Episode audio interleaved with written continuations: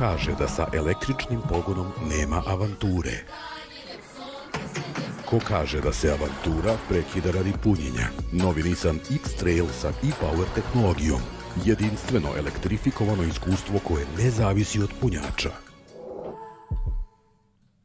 Ćao svima i dobrodošli u najnovo izdanje Lab 76 broj 285 i dobrodošli u izdanje posvećeno Moto Grand Prix, dobrodošli u poslednjim, da kažemo, podcast posvećen ovom predivnom sportu pre nego što krene sezona, to jest imaćemo još jedan kada ćemo najaviti veličanstvenu 2023.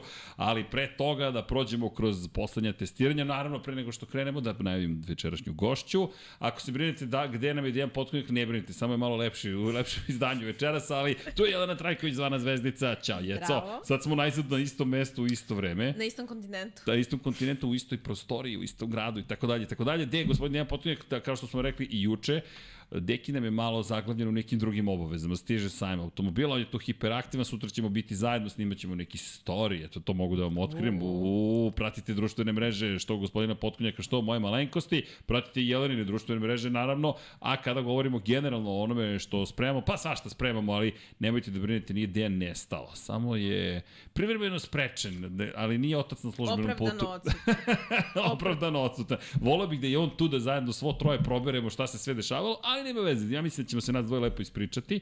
I pre nego što krenemo, prvo udarite jedan like zato što treba da udarite like. Zatim udarite like zato što je Jelena tu. Zatim udarite like zato što, ne znam, sam ja tu. A zatim udarite share, subscribe i sve ostalo da bi nas ne nas podržali. Patreon.com kroz Infinity Lighthouse, ko želi da nas podrži. Takođe možete naravno i join da kliknete na YouTube-u, to će nam i tekako značiti, s obzirom na činjenicu da cijela ova ekipa koju vidite je tako, sama, se, sama gura neke stvari, kao što je Jelena godinama gurala. Moramo da uradimo jednom intervju sa tobom kako si ti uopšte došla u situaciju da sve radiš što danas radiš i šta si sve radila sama. dakle, bilo je mnogo toga. Biće to duga priča. Biće duga, ovde, ovde nema kratkih priča, ne znam da li si svesna. Jasno mi je. I ima još jedna bitna stvar koju hoću da vam kažem pre nego što krenemo, a to je, ljudi, mazite se i pazite se, budite dobri jedni prema drugima i vozite računa jedni drugima, ali zaista pokušajte da budete nežni i da izjavite ljubav nekome kome možda dugo niste, nekome koga volite. Prvi put možda osjećate neke emocije, podelite ih. A ako ta osoba nije za vas, pa možda ih ne prihvati, možda jednostavno. I to je u redu. Ne mora niko da vas voli, ne mora niko da nas voli. Ako mi volimo nekoga, to ne znači da neko mora da uzvrati ljubav. Radite ne, ljudi. Ako se desi, desi. Ako ne, e, okej, okay, lepo i dalje voleti, a vi pa naći ćete pravu osobu za sebe. A ne morate da bude to partner, može da bude mama, tata, brat, sestra, kravata i tako dalje. Izjavite im ljubav i budite dobri jedni prema drugima. Sledeće nedelje ćemo pričati malo detaljnije o nekim stvarima tog tipa, malo zbiljnim, ali ove nedelje pokušamo da pokrenemo još jače neke emocije, pa eto, čisto vas pozivam da budete dobri jedni prema drugima. To je, to je ceo uvod koji imam da kažem. Lepa da, poruka. Da, da li znaš da je novi trend, to, uh, YouTube savjetnici kažu nemojte duge uvode da imate. Ok, O. kao što ste nam rekli da nemamo duge podcaste, nećemo imati duge uvode. Nemojte previše storija da kačite. da, nemojte ovo, nemojte ono, da, da, da. Srđane, nemoj svaki put ćao svima, taj fazon. A, se sećaš? Da, Ti da. znaš ko, koliko već godina, to tra- osam godina mi ponavljaju. Nemoj čao svima. A, dobro. Ja mislim, da, 8 godina. Od 2000, ne, ma ko zna kad je to počelo, ko Evo se toga počet ću seća? ja od Portugala isto da ovaj, Udri. svaki stories. Udri, jesi spremna? E, ćao svima, ćao Srđane. jesi spremna? Jesam. O, biće, biće super. A mi ćemo sledeće nedelje, dakle, Dijana će biti u Portugalu, putuješ kada? U sredu? U sredu, Da. U sredu, tako da molim vas, pratite šta se događa, mislim da će biti mega zabavno.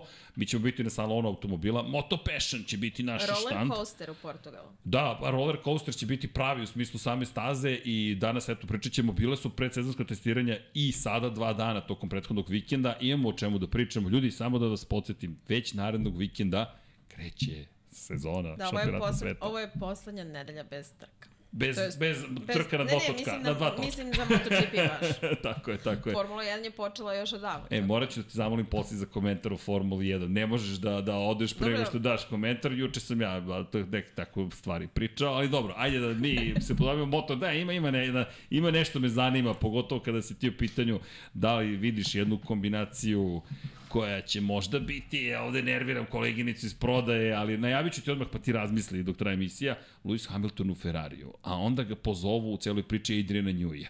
Samo food for thought. ok, taj osmeh je Dobro. dovoljno rekao. Dobro.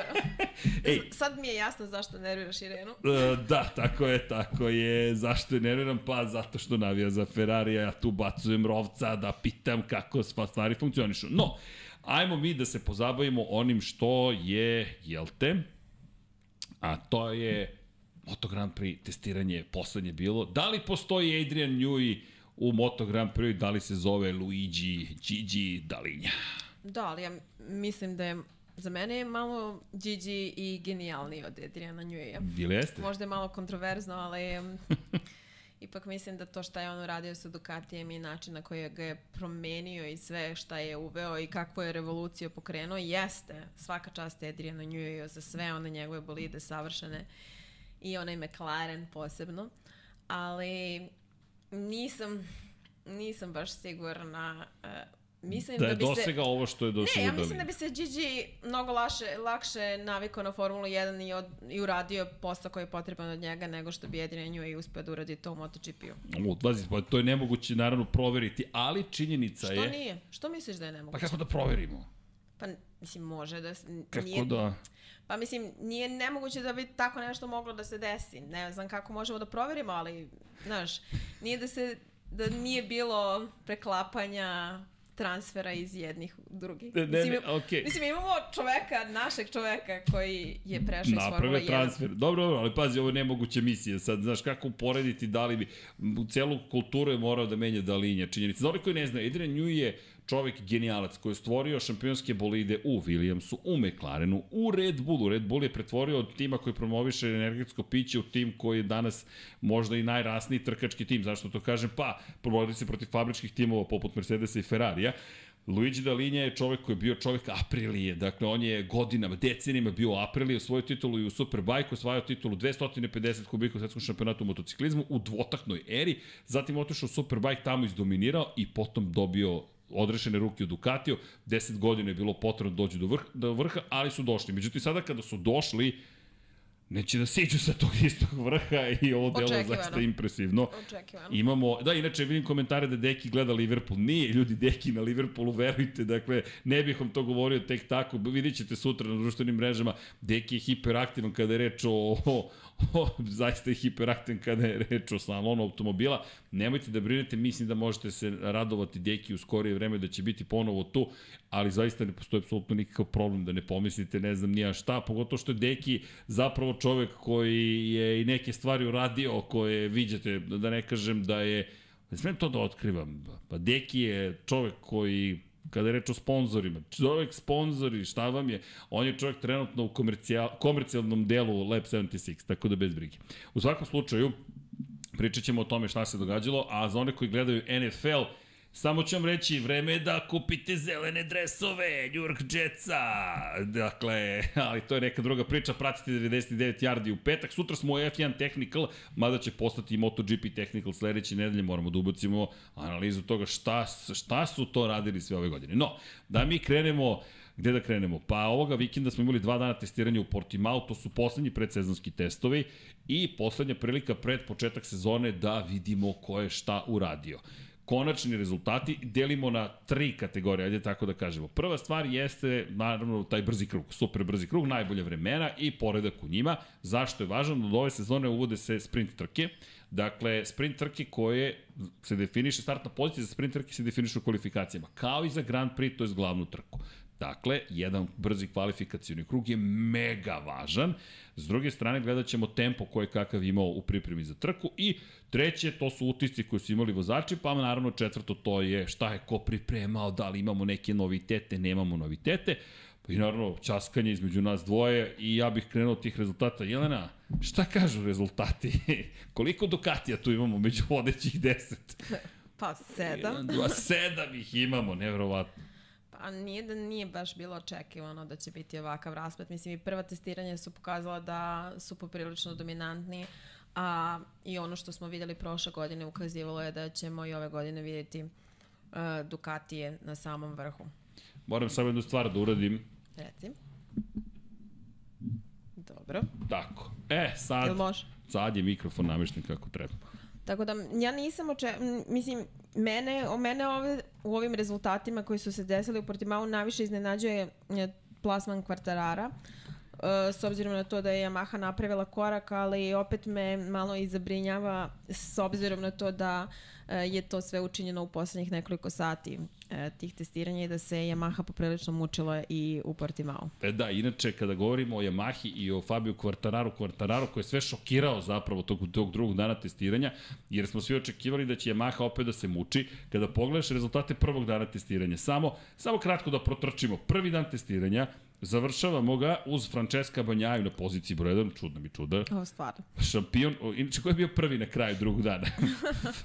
Francesco Banjaju. Pazi, onaj broj 1 nije samo sada redni broj njegov, već je to zakucano koja će biti njegova konstantna pozicija, tako izgleda zaista. Jedini vozio brže od 1.39. Iza njega, Ducati Luke Marinija, Luka na GP-u 22 deluje ozbiljno, Maverick Vinales na Apriliji, zatim Alex Marquez na Ducatiju GP22 prošlogodišnjem, pa Raul Fernandez Miguel Oliveira na prošlogodišnjim Aprilijama, Marko Beceki na Ducatiju. Prvih sedam Ducati i Aprilije, zatim Fabio Quartararo na Yamahi, pa Fabio Di Giannantonio i Jorge Martin Ducatima. To je prvih deset. Inače, ukoliko se pitate gde je bio osmi Ducati u nedelju. Nažalost, Fabio Di Giannantonio imao pad u subotu, nije vozio nedelju i zato verovatno nema osam Ducatija među vodećih deset. Nema, ali dobro, njemu, on je jedini uz Štefana Bradla čije su vremena od subote ostala mm, To je to. Nije ostala. vozio i Da. zato, zato jeste klasifikovan za Da, da, ali iskreno da ti kažem, ja bih voljela da se osvrnemo na činjenicu da on nije vozio u nedelju i da su u MotoGP-u konačno počeli ozbiljno da shvataju potres mozga.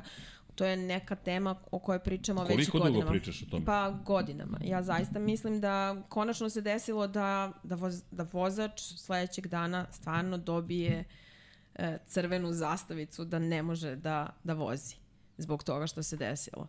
Pre godinu dana nisam sigurna da bi oni tako nešto uradili. Pa gotovo sigurno ne bi. Mi kada pogledamo, prošle godine su vozači bili ti koji su bili mnogo mudri, rekao bih, i odgovorniji od organizacije, gde smo videli da je Mark Marquez odustao od vožnje u Indoneziji, pošto je njegov brat pričao sa njim i rekao mu, ej, Biće još trka, jedan život, polako, gde je on odustao, pritom smo videli da odustajanje u, u, u kontekstu toga da kada neko se ne osjeća dobro, Pole Spargaro, na primjer, on odustane da. U Asenu, a ne zato što mu je neko rekao trebalo bi da Pa, odustaneš. Poli je i odustao, ako se setimo, i u Valenciji iz drugačijih razloga. Od, u Valenciji, mislim na Valenciju 2021.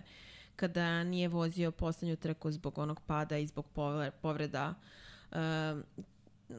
mislim da je stomak povredim, da je, da je nešto, Jest. da je neke, da je nagnječenje neko imao i da zbog toga nije mogao da vozi.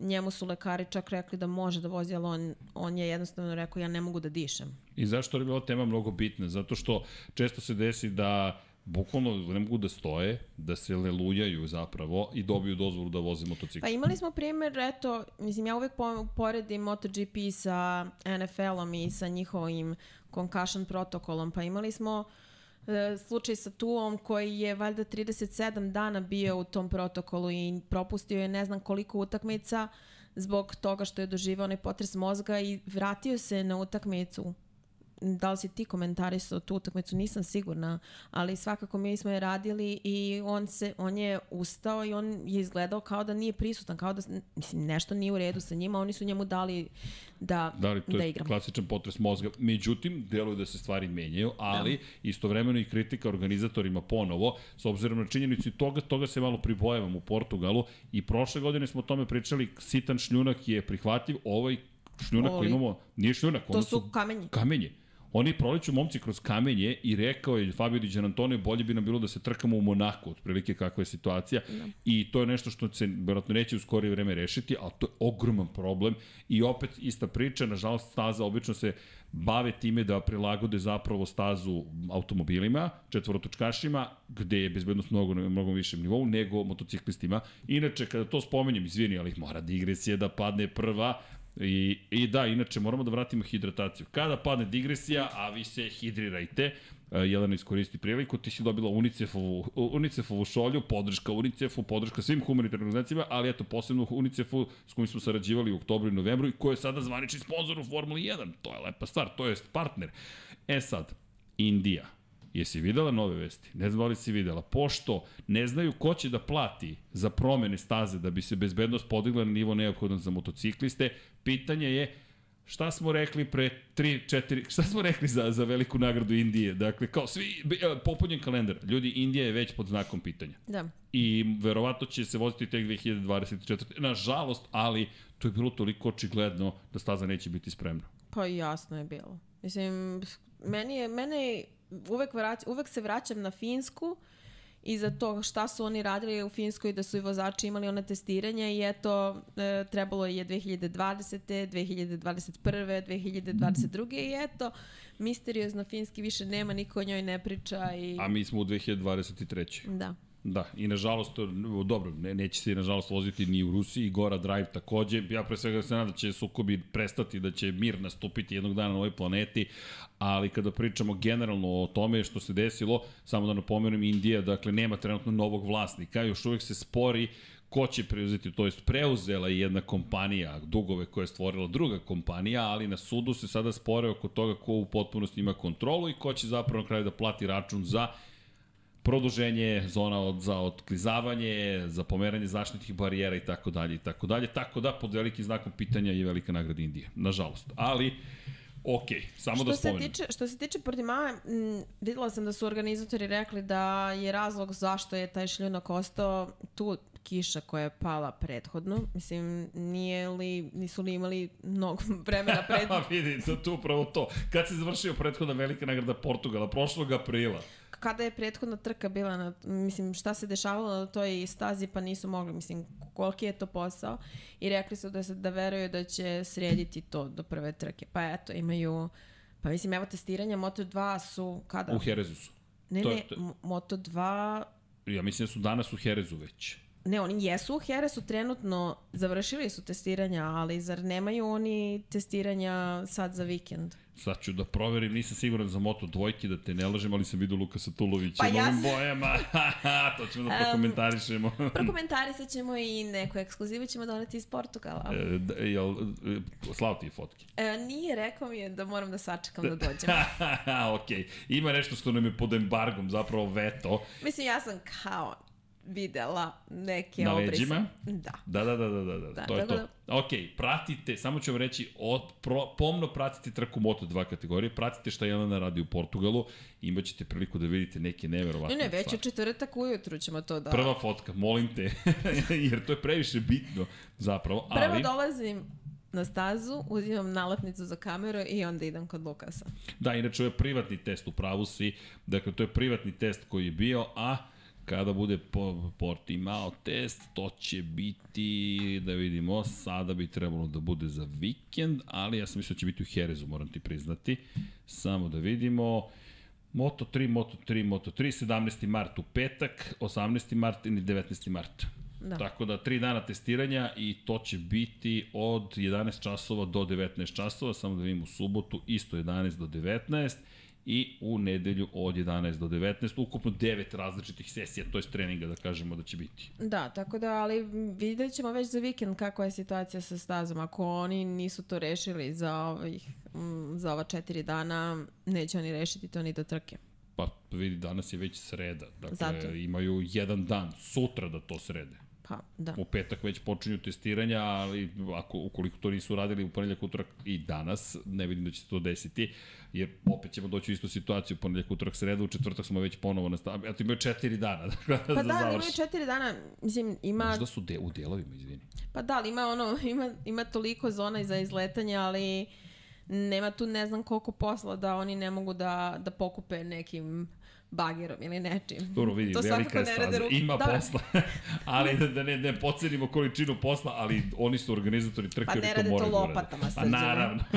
vidi, možda metlama, možda se Michael Masi vratio u akciju, ali, ali da, se, da budemo ozbiljni. Dakle, kada pričamo o onome što smo videli, s izuzetkom toga što nas malo brine stanje pokraj staze, da se vratimo priči o Ducatiju. Ducati koji ima GP23, inače zanimljivo izjavo dao Davide Tardoci, ne znam da li si čula, kada je rekao gotovo sve što smo u Maleziji videli da nije funkcionisalo, smo sada sredili, onda se ispravio, ne, ne, sve je sređeno, nego ja to volim tako da kažem. da. to okay. toliko toga govori. Ali meni delo da su oni spremni. Ja, ja ne vidim ovde neke mane za Ducati. Ni, ništa slično onome što su prošle godine imali. Pa oni su klasa za sebe ove sezone. Oni prošle godine jeste ta činjenica da su oni imali osam motora im je i pomogla i odmogla. Uh, ali nis, ne mogu da kažem da su oni prošle godine bili klasa za sebe zato što je u prvom delu sezone bila, bila viđeno mnogo, mnogo grešaka posebno Banjajinim, Banjajinih. I on jeste u drugom delu sezone bio fantastičan i zato je osvojio titulu, ali i Fabio Quartararo mu je pomogao. Ali meni Ducati u ovom trenutku izgleda potpuno neustrašivo.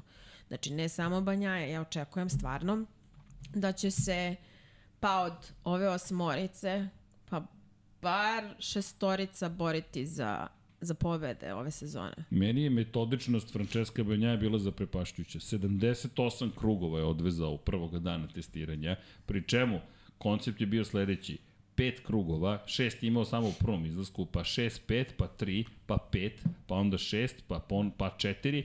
U drugog dana inače radio samo setove od po pet izlazaka na stazu, to je pet merenih krugova, pa pet, pa pet, pa pet, pa, še, pa ponovo pet, pa tri, pa tri za kraj.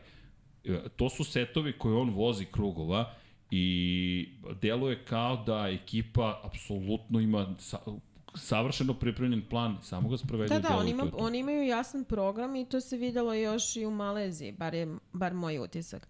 A Banjaja nijednog trenutka, mislim, on izgleda sada mnogo ozbiljnije, mnogo uh, fokusiranije nego što je izgledao ikada ranije. Mislim da ga je i titula poprilično promenila, ali uh, podsjeća me na to kako je izgledao u tom drugom delu sezone, kada je sve krenulo nizbrdo, kada stvarno nije moglo da bude gore, kao u onom trenutku uh, posle velike nagrade Nemačke, on je odjednom postao potpuno miran. I videli smo ga u Madoni di Campillo, on je sve vreme onako fin, normalan, pristojan, sve... Jack Miller se oglasio, izvini, i da. upravo da. to govori, kaže, od osvojene titule, on je promenjen čovek, on je novi čovek. Ovo je neki drugi Francesco Banjaje. Mislim da je njemu to bilo potrebno i da on sad ima i neku novu motivaciju da pokaže da sve što se desilo prošle godine nije bilo tek splet nekih ludih okolnosti, nego da je zapravo promenio svoj način rada posle svega što se desilo. Ja stvarno ne mogu da se setim, ali neka me neko ispravi da je neko, da je neki vozač osvojio titulu, a da je imao pet odustajanja. Ako se ja ne varam, on je imao pet, utak, pet uh, trka na kojima nije, os, nije osvojio ni jedan jedini bod.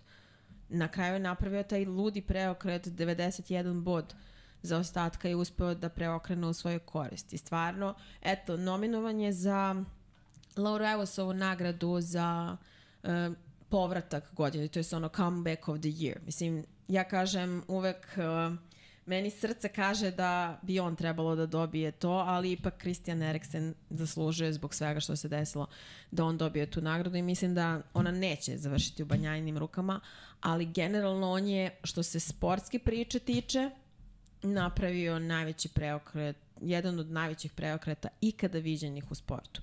I mislim da je činjenica da je tako nešto uspeo da uredi, njemu dala još jednu dodatnu motivaciju za ovu sezonu. A dobro, druga motivacija svakako mu je činjenica ko mu je novi timski kolega i ko će mu izvesno biti jedan od glavnih konkurenata za titulu. Kakva je to bila situacija kada je reč o Enei Bastianiniju? Pa ne toliko dobra. pa, Na šestoj poziciji.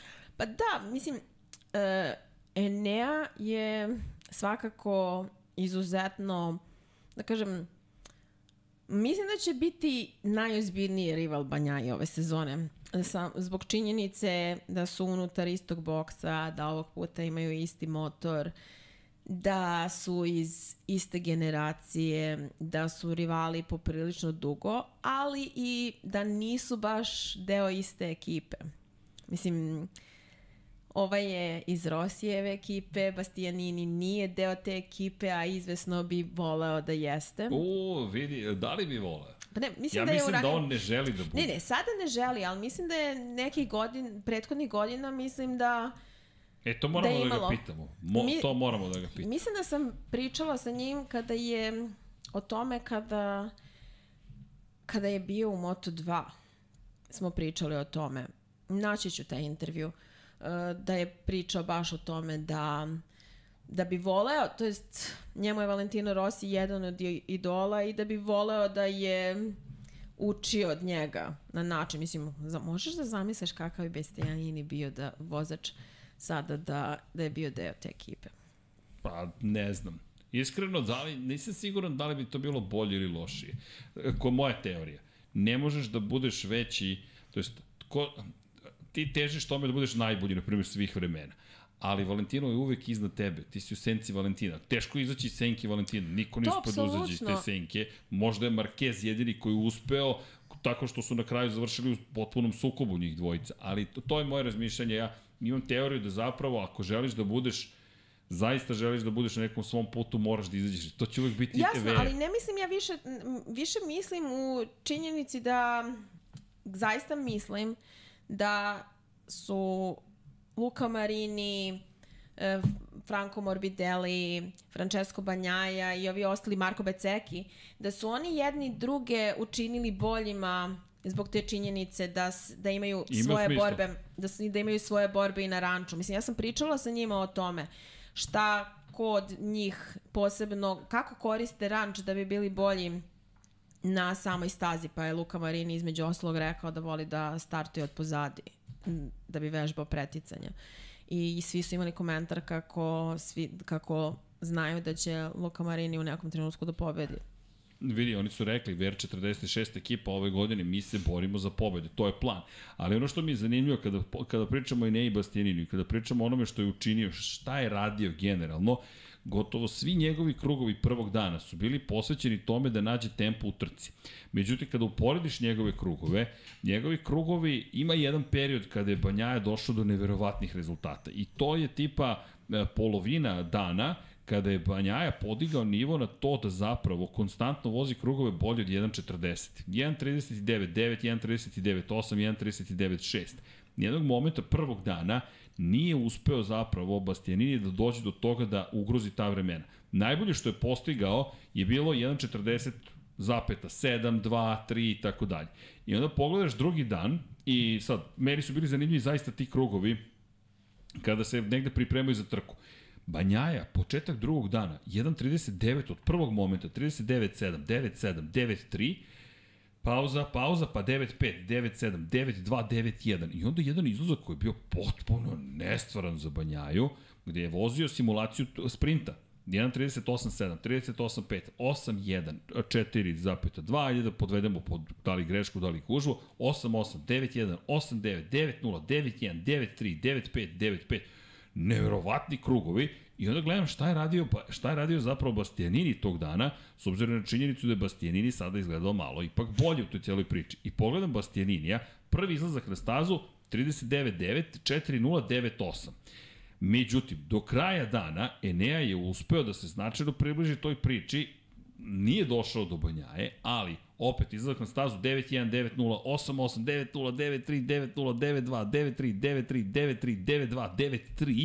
9-0, 8-8, 9-0, 9-3, 9-0, 9-2, 9-3, 9-3, 9-3, 9-2, 9-3 i ono što mi sam uočio da ima manji pad na kraju trke u odnosu na Banjaju. E sad, moja teorija, sad vidjet ćemo da li će se to desiti, moja teorija je da će Banjaja biti brži na početku, sporiji na kraju trke, a da će Bastianini kao Le Mans, kao da će biti u trci izdržljivosti biti konstantno. Jedna linija gde je cilj zapravo ispratiti Banjaju. To je moje mišljenje. Pa moj utisak je da su oni imali drugačije programe. Da, da, da, da, da. generalno, tokom ce- celog trkačkog vikenda i da nisu uopšte gledali kako, kakav je odnos snaga između njih dvojice u timu, nego su radili na nekim određenim stvarima i nisu gledali sve ostale, ali definitivno Banjaja izgleda zastrašujuće. Izgleda, me, ja, ja i dalje mislim da će odbraniti titulu. Ja mislim. Zato što ne vidim rupu u tom celom oklopu i ne vidim manu osim, osim u Bastianiniju, ukoliko Bastianini može da se podigne na nivo koji je koji je toliko konstantan i konzistentan da, da zaista iz trke u trku možemo da gledamo njih dvojicu. Mi moramo da imamo sad, mislim, mi dok ne, ne, ne dođe Portugal i dok ne dođe taj prvi vikend, mi zaista nećemo znati kako sve to izgleda. Jer, Nemamo predstavu. Jer svi vozači, između oslog, Bastianini je tebi rekao da on ne može trenutno uopšte da se sprema za tu činjenicu da ima dve trke ili ti jednu i po trku, dok ne dođe Portugal i dok ne vidi kako to sve izgleda. Od većine vozača jedino Jack Miller je bio apsolutno za te dve trke, kao što više trka, e, to bolje pod nas. Tako da, mi, mnogo toga mora da se uzme u obzir od vremenskih uslova, od toga da su slobodni treninzi kvalifikacije za kvalifikacije, a da su kvalifikacije u stvari kvalifikacije i za jednu i za drugu trku i da samo taj jedan trening, treći trening je zaista slobodni trening. Mislim da se tako i zove, je li tako? Da se taj jedini zove slobodni trening. Pa imamo zapravo FP1 pa FP2, ali sve posle toga zapravo Za, sve je toliko zakomplikovano, inače da, neko je tražio komentar kada već spominješ treninge, zašto je uvedeno da ukoliko se ne održi 50% kvalifikacije, se kvalifikacije poništavaju, to je rezultati kvalifikacije poništavaju i na osnovu rezultata treninga se definiše startni poredak. Ljudi, televizija. Zato što u 15.00 mora da krene sprint trka E, to niko nama nije potvrdio, ja vam, ja, čak ni mi ne znamo zvanično, ali ja stojim, ne znam da li se slažeš sa mnom, pri tome u 15.00 neko je prodao u Dorni televiziji i rekao u 15.00 će biti trka sprint. Ako vi produžavate kvalifikacije, nema sprint trke. Da jednostavno nema sprint trke u 15.00, tako da se to neće desiti. Ako treba, otkazat će sve kvalifikacije. Ali da, mi, imamo da, mi moramo da imamo na umu činjenicu da smo mi malo razmaženi ovde uh, u Srbiji i regionu i da smo mi jedni od re, jedna od redkih televizija koja prenosi apsolutno sve. Da većina Ali nije televizija... razmaženi. Zašto razmaženi? Ne, ne, mi smo srećni. Apsolut, ne, ne. Čekaj, srećni. ne, ne, apsolutno smo srećni. Mislim, ne bih ja menjala ovo što mi radimo za to što rade neki drugi. Ali kažem da smo razmaženi u smislu e, da ne znamo da postoji nešto drugo. To jest da van ovih granica i van sport kluba se ne radi tako. Ovo je sad stvarno, da se ne radi. Ovo je sad ali, stvarno davanje poštovanja onome šta mi radimo. E, ali vidi, jeste. Ali s druge strane, ja sad pričam o sportu. Ne, ne, samo kažem da oni razmišljaju o tome, o većini koja radi na pogrešan način i na pogrešan način prati ovaj sport. A to je tako što daje samo kvalifikacije i samo trke. Ne, naravno, ali vidi sad ovo. Sad kad ponište kvalifikacije, šta smo dobili? Ja kritikujem, ja sad se ne bavim na lokalnom nivou kako se prenosi ili ne. Bavim se na, iz perspektive sporta. Ti si ukinuo potencijalno kvalifikacije. Ne, ne, meni je to užasno. Zato što si suludo ugurao celu priču u to da mora da bude sprint trka tokom svakog trkačkog vikenda. I ti sada dolaziš u situaciju da ćeš možda ostati bez kvalifikacija. Vidi, ajmo ovako, da, da, da postavimo drugačije stvari. Neki ljudi imaju mogućnost samo da u svoje blokove ubace kvalifikacije i trke. I sada će biti kažnjeni svi gledaoci tih televizija, kao i te televizije, zato što, pa možda neće biti kvalifikacija. A može da wow. se desi viša sila, može da se desi neka nesreća, ne, ne daj Bože može da se desi svašta zašto te kvalifikacije ne mogu da Tako budu je. održane. Mi ne možemo da predvidimo ni šta će da se desi sutra, ne šta će da se desi tokom kvalifikacija velike nagrade Austrije. A došli smo u situaciju da sada imamo, dakle, potvrdu da ukoliko nema 50% održanih krugova, to jest vremena koje je predviđeno za kvalifikacije, one se poništavaju. Dakle, poništavaju, potpuno neverovatno. Ne pamtim da sport im postoji kojim se kaže, e, poništit ćemo kvalifikacije. Pa ja mogu da shvatim ono kao, imamo toliko još dnevnog svetla, pa zato ne možemo da, da održimo, ali ta činjenica da sve mora kao da bude gotovo do 4 sata u subotu, uh, ok. Vidi, 15.00 trka mora da počne. Kraj Znam. priče. Ja, Jer oni imaju konferenciju za štampu u 5 sati zakazano. Da, ali znaš šta će, šta će biti ukoliko se nešto desi na početku sprinta? Šta ako padne kiša? Šta ako imamo promenje vremenske uslove? Opet cijela ta priča. Šta kada dođemo do pola pet? a Moto Grand Prix još nije završio. Na primjer, vidi, a viđali smo situacije, Jasne. komentarisali smo kiša i kiša, tako da iz te perspektive uh, ja sam zaista i dalje veliki skeptik organizacije. Što se tiče sprinta, ja iskreno jedva čekam da vidim i ne na da sarkastičan da vidim, način. Ali, jedva čekam da vidim, ali e, 21 trka je već samo po sebi veliki broj i veliki napor za, za vozače, a da ne pričamo o tome e, kakav je to napor za sve ostale u ekipi, jer svi mi gledamo one vozače na stazi, njih 20 dvojcu, a šta ćemo sa onim ostalima koji, koji rade u garaži, koji, su, koje, koje, koji se ne vide na televiziji? Mislim, evo, zanimljivo, Aprilija je angažovala fizioterapeuta i lekara za svoju prateć, za, za, ne za vozače, nego za, za svoje osoblje. Zato što razmišljaju o tome kako će ovaj raspored od 21 trke uticati na njih. Mene baš zanima kako će ostali, ostali timovi da reaguju na samu činjenicu da da 21 vikend. Ali ono što je još zabrinjavajuće je činjenica kako je ta, kako je taj raspored kako taj raspored Vidi. izgleda, da imaš prvi deo sezone gde je ono kao potpuno rasterećeno do Lemana, ako se ne varam, i onda imaš nekoliko trka tu jun, jul, i onda od avgusta pa do kraja novembra imaš potpuno ludilo imaš 8 trka u 10 vikenda. Da, to nije normalno, a ne možeš da me ubediš da nisu mogli drugačije da naprave. A naravno da su mogli, to, ali to je sad, evo, moj, sad, sad već dolazimo do pitanja. Evo, da za one koje eventualno nisu ispratili šta, šta je bilo. I pričat ćemo ovo sledeće nedelje, pogotovo u uvodu sezone, ali moramo i sad da se dotaknemo, pošto je izašlo umeđu vremenu ovih 7 dana novo pravilo za kvalifikacije. Dakle, petak je dan za treningi na, za početak. Zvanično. Kvalifikacije, kvalifikacije. Da, da, vidjet ćemo. Dakle, krećemo i e, imamo dva treninga za Moto Grand Prix. U 10.45 i trajeće po 45 minuta, to, to je 45 minuta. 60 minuta traje trening broj 2. Zatim, u, u 15.00 inače počinje. I imat ćemo situaciju u kojoj iz P1 i P2, dakle, e, i, iz P1 i P2 određujemo ko odlazi u Q1 i Q2 deo kvalifikacija. Zatim, u Moto dvojkama imamo dva treninga od po 40 minuta i u Moto trojkama skraćeni treninzi dva puta po 35 minuta. Inače, opet se svi sa, sa, zbiraju za kombinovana vremena. Ali, ali, Moto trojke i Moto dvojke u subotu ujutro imaju trening broj 3 koji će se takođe računati za potrebe kvalifikacija. Ali, idemo u subotu. E sad, subota počinje da biva baš onako zanimljiva. Dakle, Moto Grand Prix ima slobodan trening. To je ono što si lepo rekla, jedini slobodan. Pa oni pa piše, se... oni to kao kvalif, kvalif, uh, klasifikuju kao uh, P1. Znači da, sad, da. sad je practice 1, practice 2, a onda je ovo free practice. Da, ovo je free practice. Ali e. oni su ot, oteli vreme Moto2 i Moto3 yes. da bi I napravili... I ukinuli zagrevanje jutarnju nedelju. Ali, Da se vratimo na subotu. U subotu ujutro 30 minuta, ne znam da li ste pohvatali, ja nisam. Dakle, u 30 minuta... Evo ja gled, moram da gledam da vidim šta se dešava. Koji je bio trening broj 4, sada postaje trening broj 3, ali zapravo nema ni broj, nego se zove slobodni trening jer ne određuje poredak startni.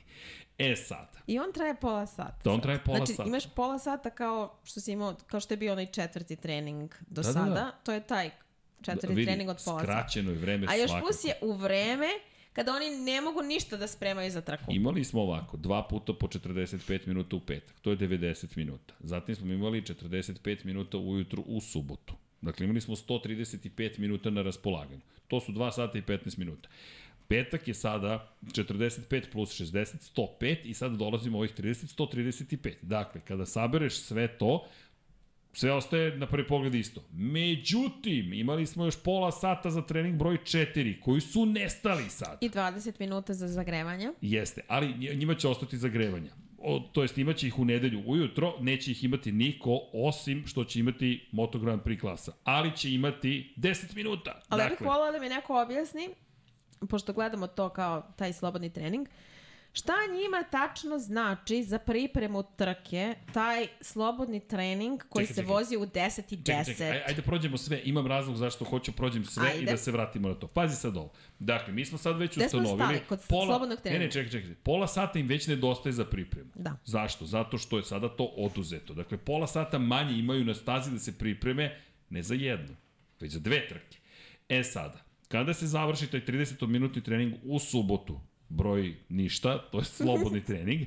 Vreme za kvalifikacije koje počinju u 10.50. Q1 je u 10.50. Zatim, u 11.15 počinje Q2. I kada se to završi, idemo u 15.00 na sprint trku. Između Q1, Q2 Moto Grand Prix i trke, imamo kvalifikacije za Moto dvojke i Moto trojke, koje imaju istovremeno i 30-minutne treninge broj 3 i oni određuju ulazak u Q1, Q2. Inače, kvalifikacije Moto trojke počinju do 12.50, 13.45 za Moto 2 klasu. Opet dolazimo do 15.00. E sad, moram ovde da se zaustavim. Novo pravilo, izvinite, ovo nije digresija, ovo je cijela jedan segment zapravo, novo pravilo glasi, Grand Prix komisija se sastala i rekla prošle nedelje sledeće. Da, ukoliko se održi više od 50% vremena predviđenog za Q1, Q2, smatraće se da su kvalifikacije završene. Ukoliko, što je 7,5 minuta, ukoliko ne bude održano 50% predviđenog vremena za kvalifikacije iz bilo kog razloga. Dakle, crvene zastave, najvjerojatnije crvene zastave. Čekaj, za nije, za nije, ako je 50%, onda je to 15. Jer ako je 15 plus 15. Na. Ili se računa po, po delu. E, sad to je zanimljivo pitanje. Dakle, koji je, koji je, za kako računaš? Pa ja bih računala 15. Ali čega ali... 15? Šta ako ti ti Znam, moraš... ali u Q1 ne idu ali svi. ako se desio Q1, onda... A ali čekaj, u Q1 čekaj, ne Jelena. idu svi. Ako imamo 2 put po 15, Q1, Q2, završi se Q1, onda je 50% sigurno. A zamisli ne počne Q2 ili traje minut. Zvanično je završen. Kako određujemo startni poredak? Na osnovu kojih kvalifikacija koje se nisu desile? To te pitam. Ok, moram to da, moramo to da proverimo. E sad, ali to je... Sa, tako Jer je ne idu svi u rečnik. Q1. Ne idu svi u Q1. Tako je, kako određuješ. E sad, ali, ukoliko se ponište kvalifikacije, neko je napisao kako će dodati startni poredak bez kvalifikacija. Pa ima rešenja. A to je, koriste se kombinovana vremena iz treninga 1 i treninga 2.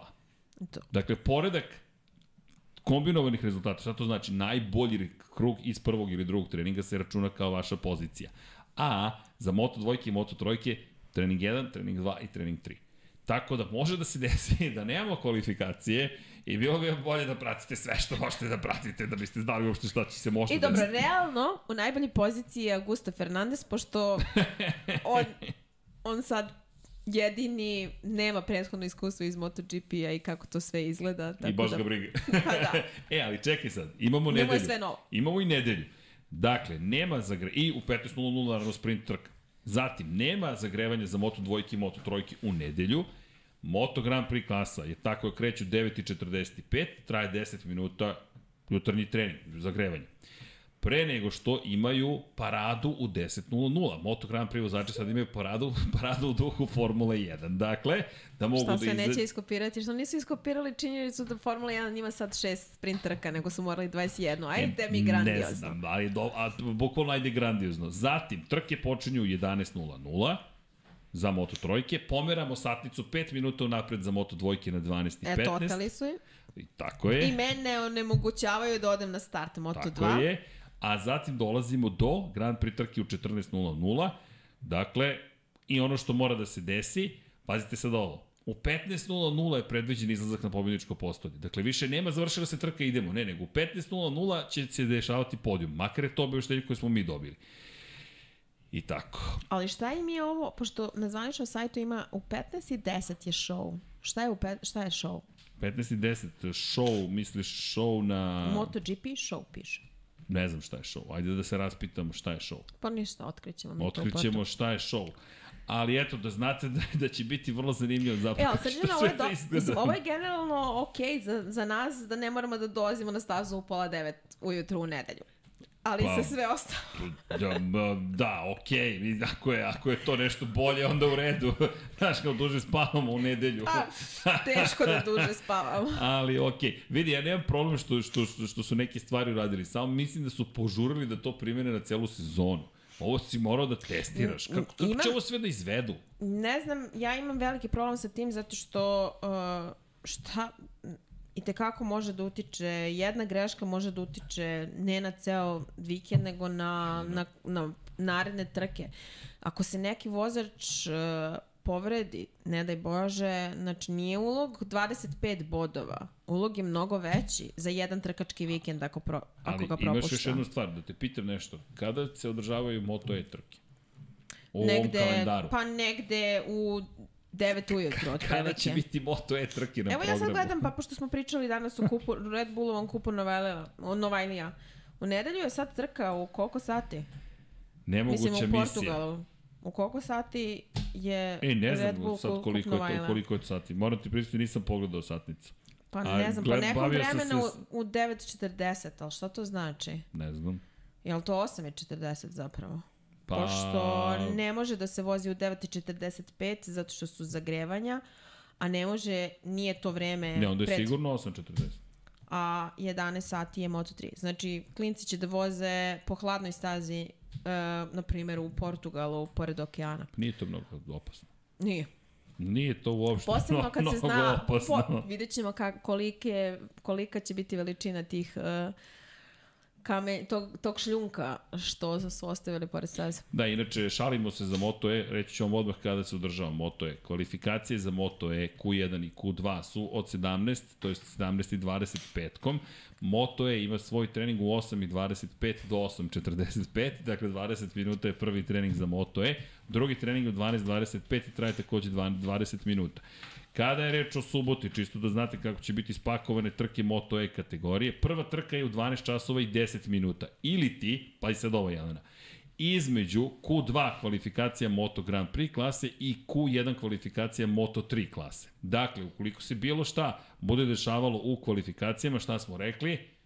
Poništit ćemo ih, zato što Moto E mora da startuje u 12.10. Pa ja jedno čekam da vidim kako će u Le Manu u maju mesecu, pošto Le Mans je poznat po tome da se, Da je se, baš lepo vreme. da se menjaju vre, ovaj, godišnje doba tokom Tako celog je. dana, kako će njima ja, jednicima stvarno da bude u, u, Inače, u 9 ujutru. Druga trka Moto E u 16 časova i 10 minuta. Tako da znate kako izgleda ceo, ceo, ceo vikend kada i Moto E u celoj priči. Nismo Dobro, ali, zaboravili mi, na to. ali nema, pored toga što tokom svakog trkačkog vikenda imamo još nešto. Imamo i Red Bullov kup Novajle, imamo... Kup talenata severa, Da. zavisi kup talenata i Azije, u. Aziji, tako je. Tako da nije baš samo ovo raspored. Čekaj, vidim, koliko nam traje ova digresija, ovaj segment, ali ovo je baš potrajalo, ali ljudi, tu smo. Mi, smo, mi, se, mi se tu nalazimo jer ovo su sad pripremi, vraćamo se na Eneu Bastianinija i ono što je rekao, kako da se pripremim za ovo što me čeka. Kad ne znam. Nemam pojma, niko ne zna šta nas čeka. Ljudi, ono što mogu sa sigurnošću da vam kažem, da apsolutno nemamo predstavu na šta će da liči taj prvi trkački vikend. Jer to nije 21 trka više. Mislim, mi razmišljamo o 21 trkačkom vikendu. To je... To su 42 42 trke.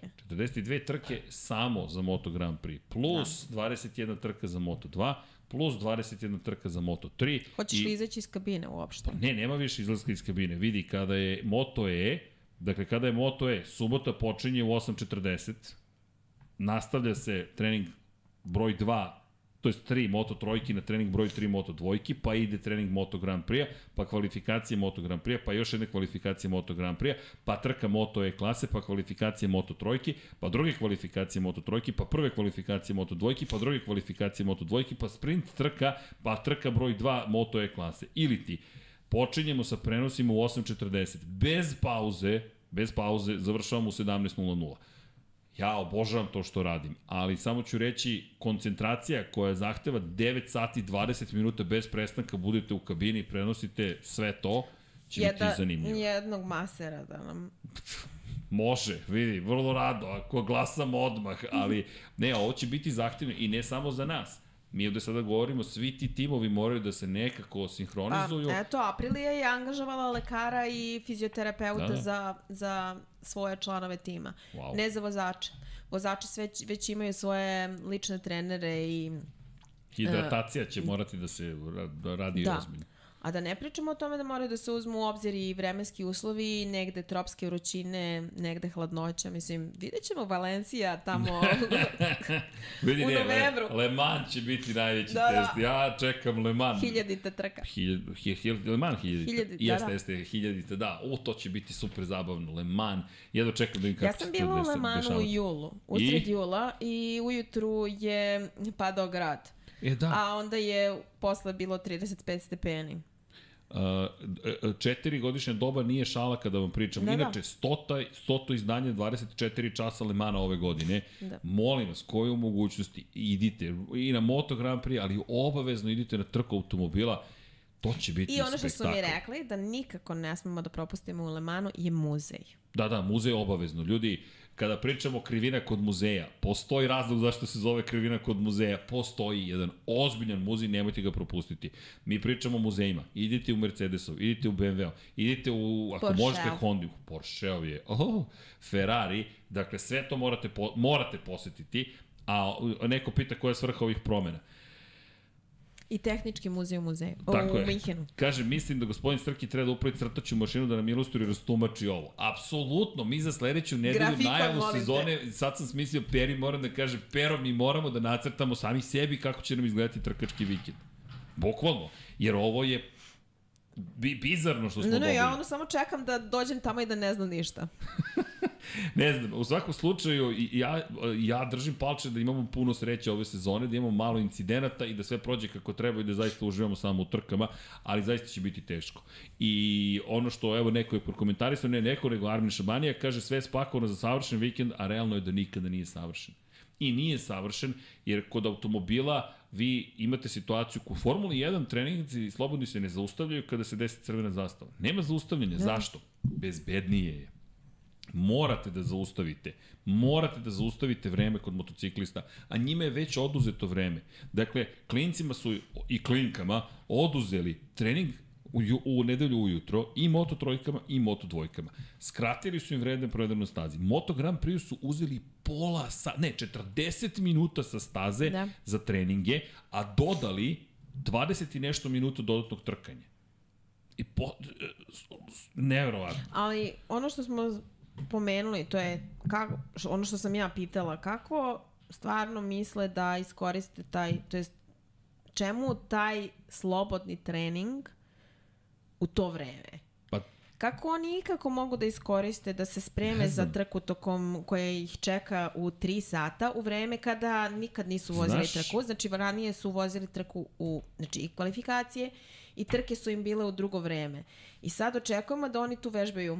Izvini, još jedna stvar. I trening broj 4 je bio u vreme kada se trka uglavnom održava. Pa da, to je taj kao jedini slobodni trening, A on je pola sata pomeren na, na jutro. Pomeren na jutro. Kako Koliko će put- oni da Ne spremaju? znam. Ja to ono što sam pitao. Tebi ostaje zapravo samo ovaj 60-minutni trening u petak popodne Kao da priprema za trku. za dve trke. Za dve trke. I to što smo pričali. I ti ja diskutujemo o tome već mesecima, evo tu smo, sad smo na domak i ja kada pogledam, moram ti pričati, kada pogledam rezultate, kada pogledaš po danu, to jest kako je dan odmicao, ti vidiš, moje mišljenje je da, da su odrađivali apsolutno sprint trke. Inače, zanimljivo pitanje su postavili svim vozačima, da li neko čeka, e to, to mi je zabavno, kada bi malo bio opušteniji vikend, sprint bi bio zabavan. Da li je lako ostvariti d- double, dakle dvostruku pobedu tokom jednog vikenda I većina odgovora je bila, pa ako si brzo u sprintu, bit ćeš brzo u glavnoj trci. Ja im ne verujem ništa. Ja Ni ja. mislim da oni svi govore, da, apsolutno, i da govore samo, jer svi su kao, pa ne, ako budeš brzo u jednom, bit ćeš u. Kako možeš da budeš brzo u jednom i u drugom? Ima ljudi koji ne znaju da čuvaju gume, u sprintu će možda da budu upravo tu. Da. Znaš koga ja čekam? Jacka Millera. Ja, ko, ajmo ovako. Ja očekujem Čekaj. od Zarka da bude A, dobar u, u a, e, tim ajmo da se vratimo ovome. Ajmo ovako. Rezultati. Evo, prvi dan, rezultati. Dakle, kada pričamo o rezultatima, kada pričam, Ma inače... daj pričaj bre o ovim e, kombinovanim vremenima, već smo prošli kroz Hoćeš da rezultate priđem prvog kombino... dana. Ajde, kombinovana vremena. Evo, kombinovana vremena. Banja je prvi. Znam zašto govoriš kombinovana vremena. Zarko. Zarko ti na poziciji broj 2, ok. Fabio Quartararo treći na Yamahi. Luka Marini, Marko Beceki, Nea Alex Marquez i Jorge Martin na Dukatima. Dakle, poredak Ducati, Ducati, Yamaha je treća, neko je pitao za ono inovativno, tako ću ga nazvati krilo na zadnjem, na, na, na repu. Zapravo. Nije baš inovativno. Pa, to je monkey seat takozvani. Ali Mogu- videli smo nešto slično u prošlosti, zato kažem nije baš A inovativno. videli smo ga i u Formuli 1. Inače, zašto se zove monkey seat? Pa zato što je sedište za majmuna. To je tako izgleda da, da može majmunče da sedne pozadi da se vozi. Bukvalno, to je, to, to je kvazi inženjerski termin zapravo za Zamišljam to krilo. zamišljam kvartarara sa onim majmunčetom iz Aladina. E, a, u, može iz Indiana Jonesa, ako se Može. sećaš, a to je loš. U, jesi videla što je lepo bila scena Jeste. za, za Oscara, da, kakav kad zagrlja i Harrison Ford. Kakav Kako se zove reunion, čovjek, sad se reunion. zaboravio ime. Reunion. A da, ali reunion baš je bio dobar. Indi, Indi, Dr. Jones, Dr. Jones. Idemo dalje. Elem, ko ne zna referencu, vratit ćemo se posle na nju. Zatim, iza Kvartarara, koji nemamo pojma kako je došao na treću poziciju, ali iznenadio sve. i obećava da može nešto više. Luka Marini, Marko Beceki, Reba Stini, Alex Marquez, Mar Jorge Martin. Brad Binder na KTM-u pozicije 9. Da li ti veruješ KTM-u? Išta? Ne. Ja ne verujem ništa, apsolutno. I da li misliš da je ovo za KTM sada odjednom znak svetlosti koje dolazi? Ne, ja mislim da će oni poprilično da testiraju i da tokom trkačkih vikenda i da Gore, će dole. biti uspona i padova, da će biti ono sjajnih trka gde će da zablistaju i da oduvaju konkurenciju, da će biti ono odustajanja sve četvorice vozača. E, Ja a, najmanje verujem KTM-u ove godine. Čak mi i Honda deluje uverljivije. Da, ali od svih tih, mislim, ja sam rekla i mislim da smo prošli put kad smo pričali, od svih tih vozača na KTM-u ja najviše verujem u Pola Espargara, ne zato što ga nešto posebno volim, nego zbog činjenice da mislim da mu odgovara taj motor. Ali ja KTM-u, mislim, oni su mi, oni su Austrijanci i ja totalno mi u nekim trenucima ne izgledaju kao Austrijanci. Misliš da se organizovano izgledaju? Pa da, ovo što se njima dešava uopšte nije onako u skladu sa tim mentalitetom i pristupom koji Pa imaju. možda je potvrda dve stvari. Prvo, koliko je Dalinja uradio dobar posao i drugo, koliko to nije lako zapravo uraditi. Da. Jer KTM je bio, pazi, 2020. su počeli da pobeđuju. Tri godine kasnije ni, deluje da se nisu mrdnuli. Kada su izgubili koncesije, deluje da su zaglavljeni u vremenu i prostoru. April ih je pre, prevazišla. Jeste. Pazi, April izgleda ozbiljno. Inače, prva Iako operacija se Aprilia, desila. iako Aprilia ima manje pobjeda od KTM-a. Či, ima samo jednu. Tako da Pa sve... dobro, neće ostati na to jedno i Čekaj, ove ko ima najviše pobjeda na KTM? Ovako napamet, znaš? Oliveira. Tako je. Miguel je... A on više ne vozi. on ne vozi za KTM, on Ali moram da kažem, pobjeda. stvarno, Oliveira i Fernandez su poprilično iznadili tokom tog prvog dana koji ti Tako toliko je, pominješ. tako je. Ali oni voze stari, stare, Stare. Tako E, ali da- vidi, operacija, samo da napomenem, Aleš Espargaro je operisan, imao je probleme sa compartment sindromom. Dakle, kada pričamo o compartment sindromu, imamo uticaj da će se to dešavati, samo da vidim kako mu je stanje. I... Juče je Perez. Da, da. Da li ima neka nova vest? O, zapravo Alešu, ne vidim nijednu novu vest. Ali, ono što je pojenta jeste da je izvršena operacija. Danas je sreda, juče, dakle imaće 9 dana, 10 dana A, da se završi. oporavi. Pa, otprilike. Inače, tu pričamo o, o otoku mišića. Mi pričamo o tome da da Da se osjeća neki pritisak da i utiče na njega. takozvani subfascijalni, nemojte mi zameriti ono što sam zapamtio, pritisak zapravo koji dovodi do toga da, ti, da, da nervi zapravo ne mogu da funkcionišu, da, da prenose informacije onako kako bi trebali. Ti ne možeš da kontrolišeš ruku, to se Fabio Quartararo desilo 2021. U Herezu kada je vodio pa je morao da prepusti prosto vođstvo i pobedu Jacku Milleru. U svakom slučaju to je nešto što je učestala, učestao sindrom kod vozača, gde je problem? O tome ćemo pričati, nadam se, narednog četvrtka, a to je da je kroz razvoj aerodinamike Aprilia je generisala takav nizgon u krivinama, zašto napravili su Venturijev tunel na bokovima i pričali smo o tome prošle nedelje, spominjat ćemo ga još više ove nedelje, ali Venturijev tunel ima jednostavan princip. Imate sužen kanal zapravo, imate otvor koji je ove širine, pa na pozadi je iste širine i suženje je u sredini. Šta se događa? Suženje dovodi prema Bernoullijevom principu, to je jednačini, do toga da se po, pojavi polje niskog pritiska. Šta to podrazumeva? To jest, ubrzava se zapravo kretanje fluida, u ovom slučaju vazduha, i formira se polje niskog pritiska. Kako je bok motora tako blizu zemlje, sad i efekat tla se tu generiše i sad imate situaciju gde, zahvaljujući niskom polju pritiska, je on zalepljen dole. Šta to podrazumeva? Pa sada ta sila je veća. A ko ispravlja ili šta ispravlja motocikl, vozač, to je njegove ruke. I sad on ima, mora, mora veći otpor da, da, pre, da prevaziđe i dovodi do toga da su mu zapravo mišići bili opterećeni. I on je zbunjen time, ali je rekao imam probleme. Operisan, pa će to možda biti najveći izazov za Apriliju, koja je imala malo izgubljene situacije i Čudno mi čuda, Maverick Vinales je rekao da posle prvog dana, u drugog dana je potpuno izgubljen i ne zna šta se događa ne zna kako ne može da ponovi ono što je već uradio. Jelena, ja mislim da je on čovek najveći car koji se ikada pojavio u Moto Grand Prix, jer njegove izjave se ponavljaju apsolutno iz godine u godinu. I tamo kad pomisliš, evo ga Maverick, on kaže isto ono što je rekao na svim prethodnim motociklima. E, da.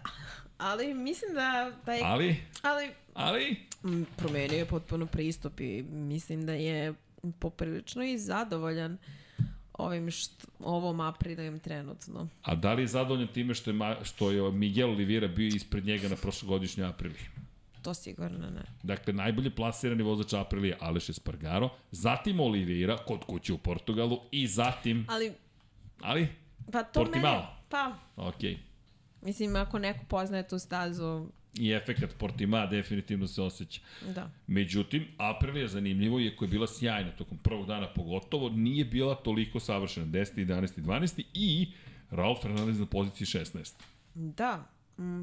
Ja, Malo zbunjujuće. pa ja za njega stvarno ne znam šta da mislim. Mislim, rekla sam više puta. Mm, on prošle godine to kako se ponašao i kako je izgledao, meni se to uopšte ne sviđa. On jasno je da nije želeo da bude tu, da je on zapravo hteo da ide u RNF Yamahu. Ostvarila mu se I želja eto došao je RNF i Aprilia. RNF Aprilia. Sad mu se ostvarila i sad nekako deluje drugačije, ali e, prošle godine mislim da nije, nije bio, nije adekvatan pristup imao u skladu sa time e, prema, da se, da ima, nije imao pravi odnos prema ekipi. Ok, nisi tu gde želiš da budeš. A šta je onda naučio u toj prvoj godini? Kako da ima pogrešan pristup? Da, I šta donosiš onda u drugu sezonu takmičenja? pa ništa dobro. RV Pošaral, izvini šta je rekao Zato čovek. me, zato, mislim, činjenica da je on vozio za Tech 3, da ima i jednog od najboljih mentora koji postoje u, mislim, Erve Ponšaral je čovek sa kojim bih ja volala da mogu da razgovaram svakog trkačkog vikenda, zbog činjenice kako on pametno priča na raznorazne teme, ne samo na teme svog motocikla, svojih vozača, samog MotoGP-a, nego, nego praktično svega. I onda dođemo u situaciju da dođe mu jedan pa nezajažljivi klinac koji misli da je on moralni šampion i da Remy Gardner nije zaslužio titulu i te, te fazone. Mislim, bukvalno zato sam rekla da je klinac zbog te njegove reakcije kako se ponašao. I bukvalno bojkotuje sve oko A sebe. RV Pošaral, znaš šta je izjavio? Za Pola Espargara da Za, za, ja, ja ne bih mogao sa, sa, sa, sa, sa Ponšaralom. Suviše mi je bosi. Ali, ali sve okej, okay, razumem ti šta govoriš. Ali drugačije se on ponaša prema tebi i prema meni. Ok, to isto možda zanimljivo, ali, ali ono što je zanimljivo meni, ne, ne samo prema meni, meni je veći, nema problem što se on prema meni ponaša na određen način. Ja sam ga pitao, teško pitanje, isto kao i ti, ali. Da. odgovori nisu bili baš dati, barem meni, ne znam da li si ti uspela da dobiješ. Pa ne, ja sam, više volim one, ja sam s njim imala tu priliku da razgovaram to kad je bilo ono odlaganje trke u Brnu, uživo, kad smo imali ono uključenje u... BMW sam, klub. Više sam mislila na, na to, da ovaj, na te neke e, komentare tokom trke, tokom treninga, tokom kvalifikacija, više na to da bih voljela da pričam sa njim e, tokom trkačkog vikenda, nego da svakog vikenda pričamo o njegovim vozačima i šta misli, ne znam, o Banjaji, e, Lorencu i ostalima. Izvini, ja ovde namještam struju. Nema problema. Na kvarno. Ali vidi, ono što meni tu se nije dopalo, što on uvek ima zapravo prenesenu poruku za svoje vozače u svim intervjuima. I to je radio i sa Polom Espargarom i sa Bradleyem Smithom i sa svima.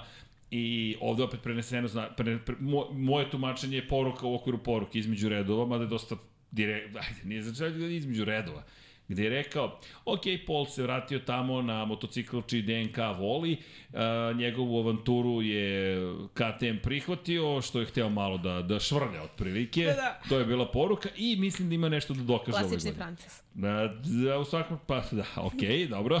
Gledajte Emili u Parizu, pretpostavljam, ali okej. Okay. Gledajte Jelenu u Parizu, U maju. u maju. Ali, pazi šta, pazi sad sledeću situaciju.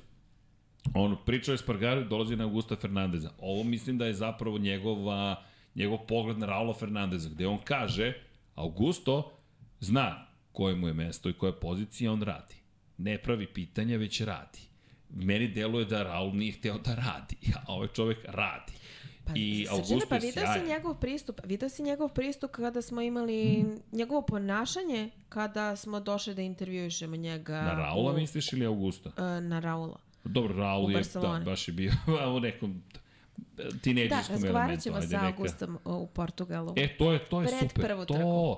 Augusto koji je odvezao preko 100 krugova tokom testiranja, nije bio spektakularan, on je rekao, imam puno da učim. Dakle, nije bio loš u kontekstu rezultata koje je ostvario, ali ništa što sada govori u prilog tome da će Augusto odjednom da bude, ne znam, pobednik u prvoj trci ili nešto slično.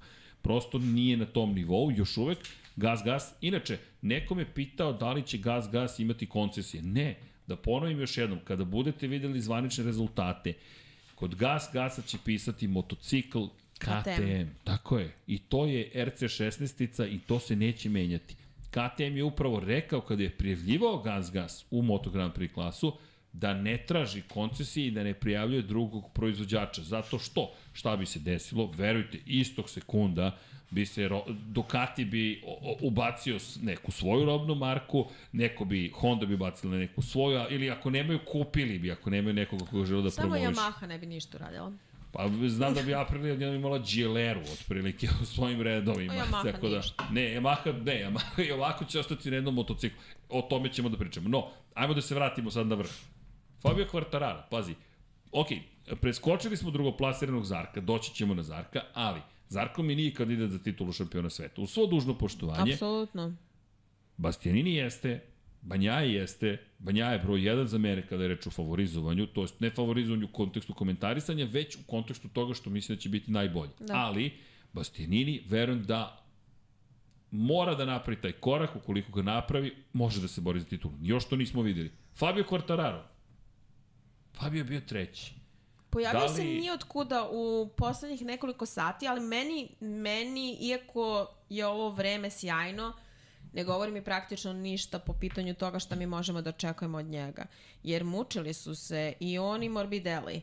A u Maleziji da ne pričamo kakva je situacija bila. Mislim, oni su sada uh, na nekom sedmom nebu i misle da je sve mnogo bolje nego što je bilo u Maleziji, ali nisam sigurna da ovo može bilo šta za neke Pazi, druge staze osim Portugala da im znači. On je prvog dana bio osmi, drugog dana je bio treći. Prošle godine je ovde pobedio. To nekle da zadržimo dozu rezerve prema tom. Ali, ono što je sigurno da od Fabija opet možemo da očekujemo čudesne vožnje. To je moje da. mišljenje da se to neće promeniti, on deluje super motivisano, deluje kao čovek koji to što imam, imam.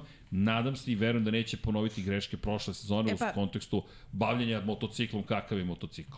Ali on se, on je na početku prošle sezone, kada je branio titulu, bio u potpuno drugačijoj situaciji nego što je sada. Sad je izgubio titulu, ima neku drugu motivaciju i, i sve što ide uz to. Ali uh, on je prvih nekoliko trka iskoristio upravo to za bavljanje motociklom i svim nedostacima koje on u tom, koje u tom trenutku ima. I onda je rekao da neće da se bavi time i tada je počeo da vozi mnogo bolje. Ono što je problem bilo za kvartarara su one trke pri kraju sezone gde praktično nije ni vozio. Mislim, zaista ne bi bilo razlike da se nije našao na startu na onim trkama koje su bile vožene po kiši. On se jednostavno predao i uopšte nije ni pružio i neki otpor Banjaji. I to je ono što ne sme da mu se dešava i što mora da shvati da je svaki bod važan. Znači ovo, to je ono stalno pričaju kao ovo nije, ovo je, ovo nije sprint, ovo je maraton. Pa jeste, stvarno, sada je, sada je ozbiljan maraton ova sezona od 42 trke. I moraće, mislim, neće smeti ja očekujem mnogo uspona i padova kao i prethodnih sezona od raznih vozača, ali ko hoće titulu neće smeti da dozvoli sebi greške kakve je Quartararo imao, zato što njegove greške prošle sezone su bile mnogo veće nego što su Banjajine, a već smo pomenuli da je on imao pet odustajanja. Kada pričamo o, o generalno očekivanjima, samo da dodam, mislim da si sve rekao, ne bih ja tu nešto dodavao, oduzimao, ali samo kratko, meni je najvažnije da saslušamo izjave Fabija Kvartarara posle trke. Šta god se desilo. Da. Jer mislim da, i nadam se uvek je bio otvoren da se to nije promenilo, da ćemo doći u situaciju da čujemo drugačije izjave nego prošle godine. Samo to. Jer ukoliko je Maha nije uradila dovoljno dobar posao, mi ne možemo odmah, kao što si rekla, da znamo posle Portima. Ne može to da bude zaključak instant, osim ako ne bude potpuni teror Ducatija i Yamaha bude 20 sekundi iza. A onda su zaista u ozbiljnom problemu. Ako to je nekoliko sekundi ili ukoliko bude u bici Fabio Quartararo, to je druga priča.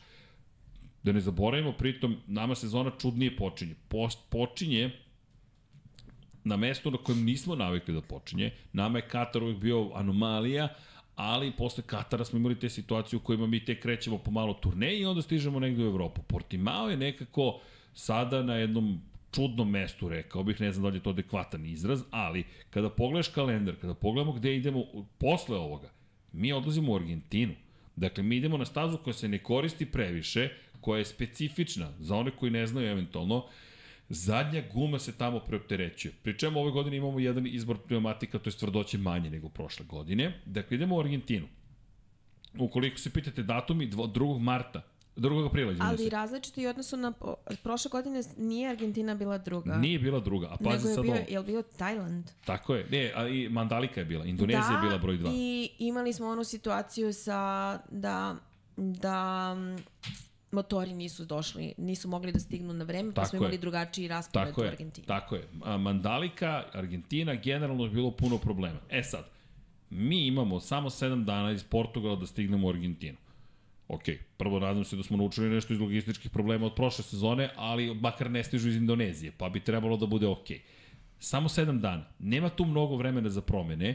Dakle, šta imate? Imate. Idete na stazu koja je često prljava. Prvi trening u Argentini izgleda kao da ste došli A- na polje neko, A a, da ne se na stazu osvrnemo na to kako se dolazi do, do te staze. vrlo komplikovano, kompleksno i tako dalje i tako dalje. To je A, ono kad me pitaju, a što ne idete u Argentinu? Pa, Postoji razlog. Ali, ali, treća trka, logistička noćna mora. treća trka Sjedinjene američke države, e, tu sada već dolazimo do toga da ćemo imati dovoljno informacija da pričamo o tome da neku sliku jasniju stvorimo. Argentina, kažem, specifična, Amerika nije toliko specifična, tu znamo da je Mark Mar... To je pitanje za Hondu zapravo. Doći ćemo da. sad i upravo na Hondu, a to je ako u Americi Mark Marquez ne bude uspešan, a uspeh je plasman na pobedničko postolje ove godine, onda su u Ozbiljnim teškim problemima. problemima. Tako je, to je ne ozbiljan problem, nego to je ozbiljna drama.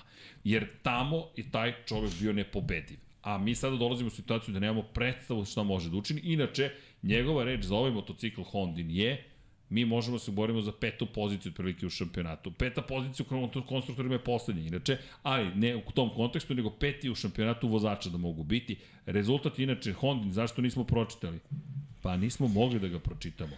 Dakle, kada pogledamo kombinovane vremena, najbolje plasirani Hondin vozač je Joan Mir na poziciji 13.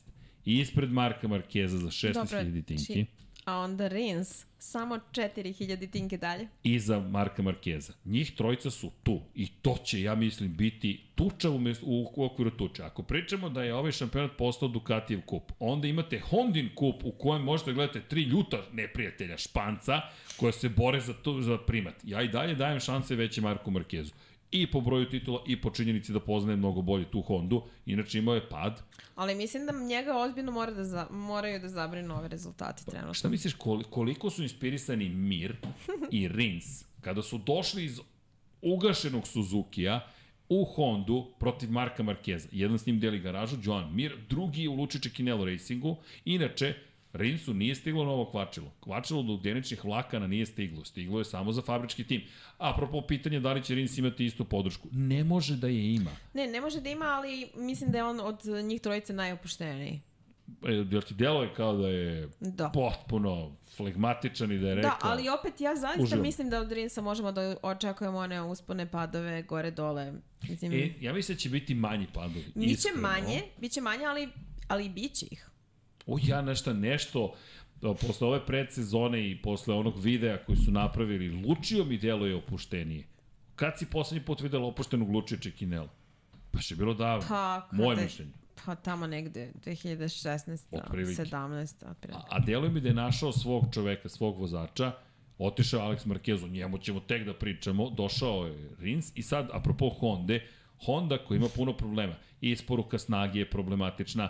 Procedura za start, Miri rekao, boli ga glava koliko stvari treba da popamti za proceduru za start. A, imaće 42 stasa. Tako, a znate kako izgleda priprema procedura za start kod Ducatija, koji inače pomerio sa centralne, sa centralne pozicije na levo mesto, dakle na, na, na, na levu ruku pripremu, to je whole shot device i ceo sistem za spuštanje motocikla.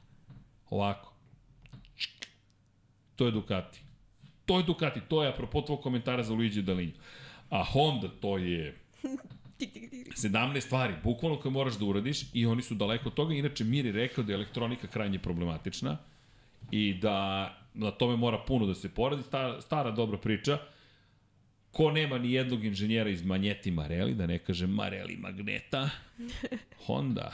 Honda koja je rekla, nama to ne treba, mi ćemo to u kući sve dalje da razvijemo, ali koja je, eto, Kena Kavući je dovela iz Suzuki-a, počinje da se menja, dovodi neke nove ljude, pa ćemo da vidimo da li imaju šansu. Ja imam utisak da Honda je svesna da, inače, novi RAM će stići, prema pisanju Davida Emeta, FTR, inače to je zanimljivo, FTR koji je proizveo, nema, uh, ne, FTR, Kalex, izvinjam se, ne FTR, FTR je proizvodio za, za Ducati, Dakle, Kalex je dobio ugovor sa Hondom da napravi kompletan novi aluminijumski ram za Hondu. Za Hondu je to, to bi nekada bila uvreda. Dakle, neko bi dobio otkaz. Ne, ne da bi dobio otkaz, nego bi dao otkaz zato što je došao u situaciju da ne može da napravi ram koji je dovoljno dobar. Kalex je prošle godine počeo da proizvodi zadnju viljušku za Hondu.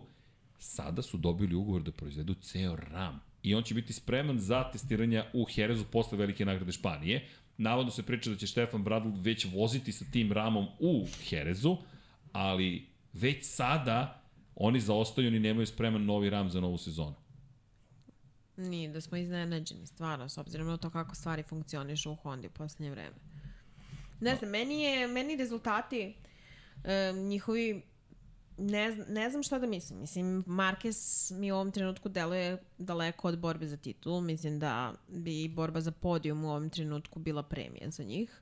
Ali upravo si kad kažeš da će nam Austin dati popriličan broj odgovora što to su već tiče, tri trke. Što se tiče, pa i sam Austin i da je druga trka, da, i da je prva trka dao, dao bi nam neke odgovore po pitanju Honda, koliko to funkcioniše ili ne.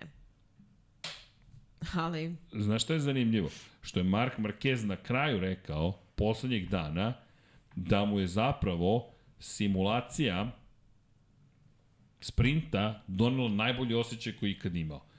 Ja mislim da će se svi složiti da je jedino na što možemo sigurno da računamo da će Mark Marquez ponovo biti mega agresivan u trkama i da na svoj talent može mnogo toga da nadokradi. Da. To je Samo Jedino što mislim da možemo da računamo. Za nje, samo se nadam da, da je naučio nešto iz ovih prethodnih godina i da neće preterivati, ali Stvarno mislim misliš? da se to neće desiti. Stvarno, on sam ali, kaže ja se ali, neću promeniti. Srđane, ali šta ćemo kad Rins pobedi u Ostinu? O, bombe padaju. Jesu truth bombs ili nešto drugo u pitanju? Pa, ne, ne znam. Vidjet ćemo. Nadam se, bit ćemo tamo pa će... ja sam htio da te pitam šta ćemo kada Alex Marquez pobedi. Nije, nije daleko da. taj dan. Nije daleko taj dan. Vidi, ajmo, ajde da te pitam. Znam da skačemo s teme temo. Časkamo, družimo se. Ko će da bude Nea Bastianini 2023? Luka Marini. A Luka ja Marini, to je to. Stojiš pri tome. Dakle, Luka da, da. Marini je taj. Luka Marini, ja sam rekla da od osmorice šestorica, sam rekla od osmorice šestorica vozača mogu da pobede ove godine na Ducati. Pazi, Marini nema ni jedan pobedničko postolje u karijeri.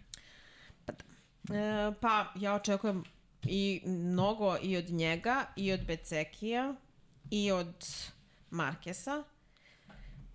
Nisam Dobro. sigurna šta mogu da očekujem od Martina i od Zarka i od Diđe.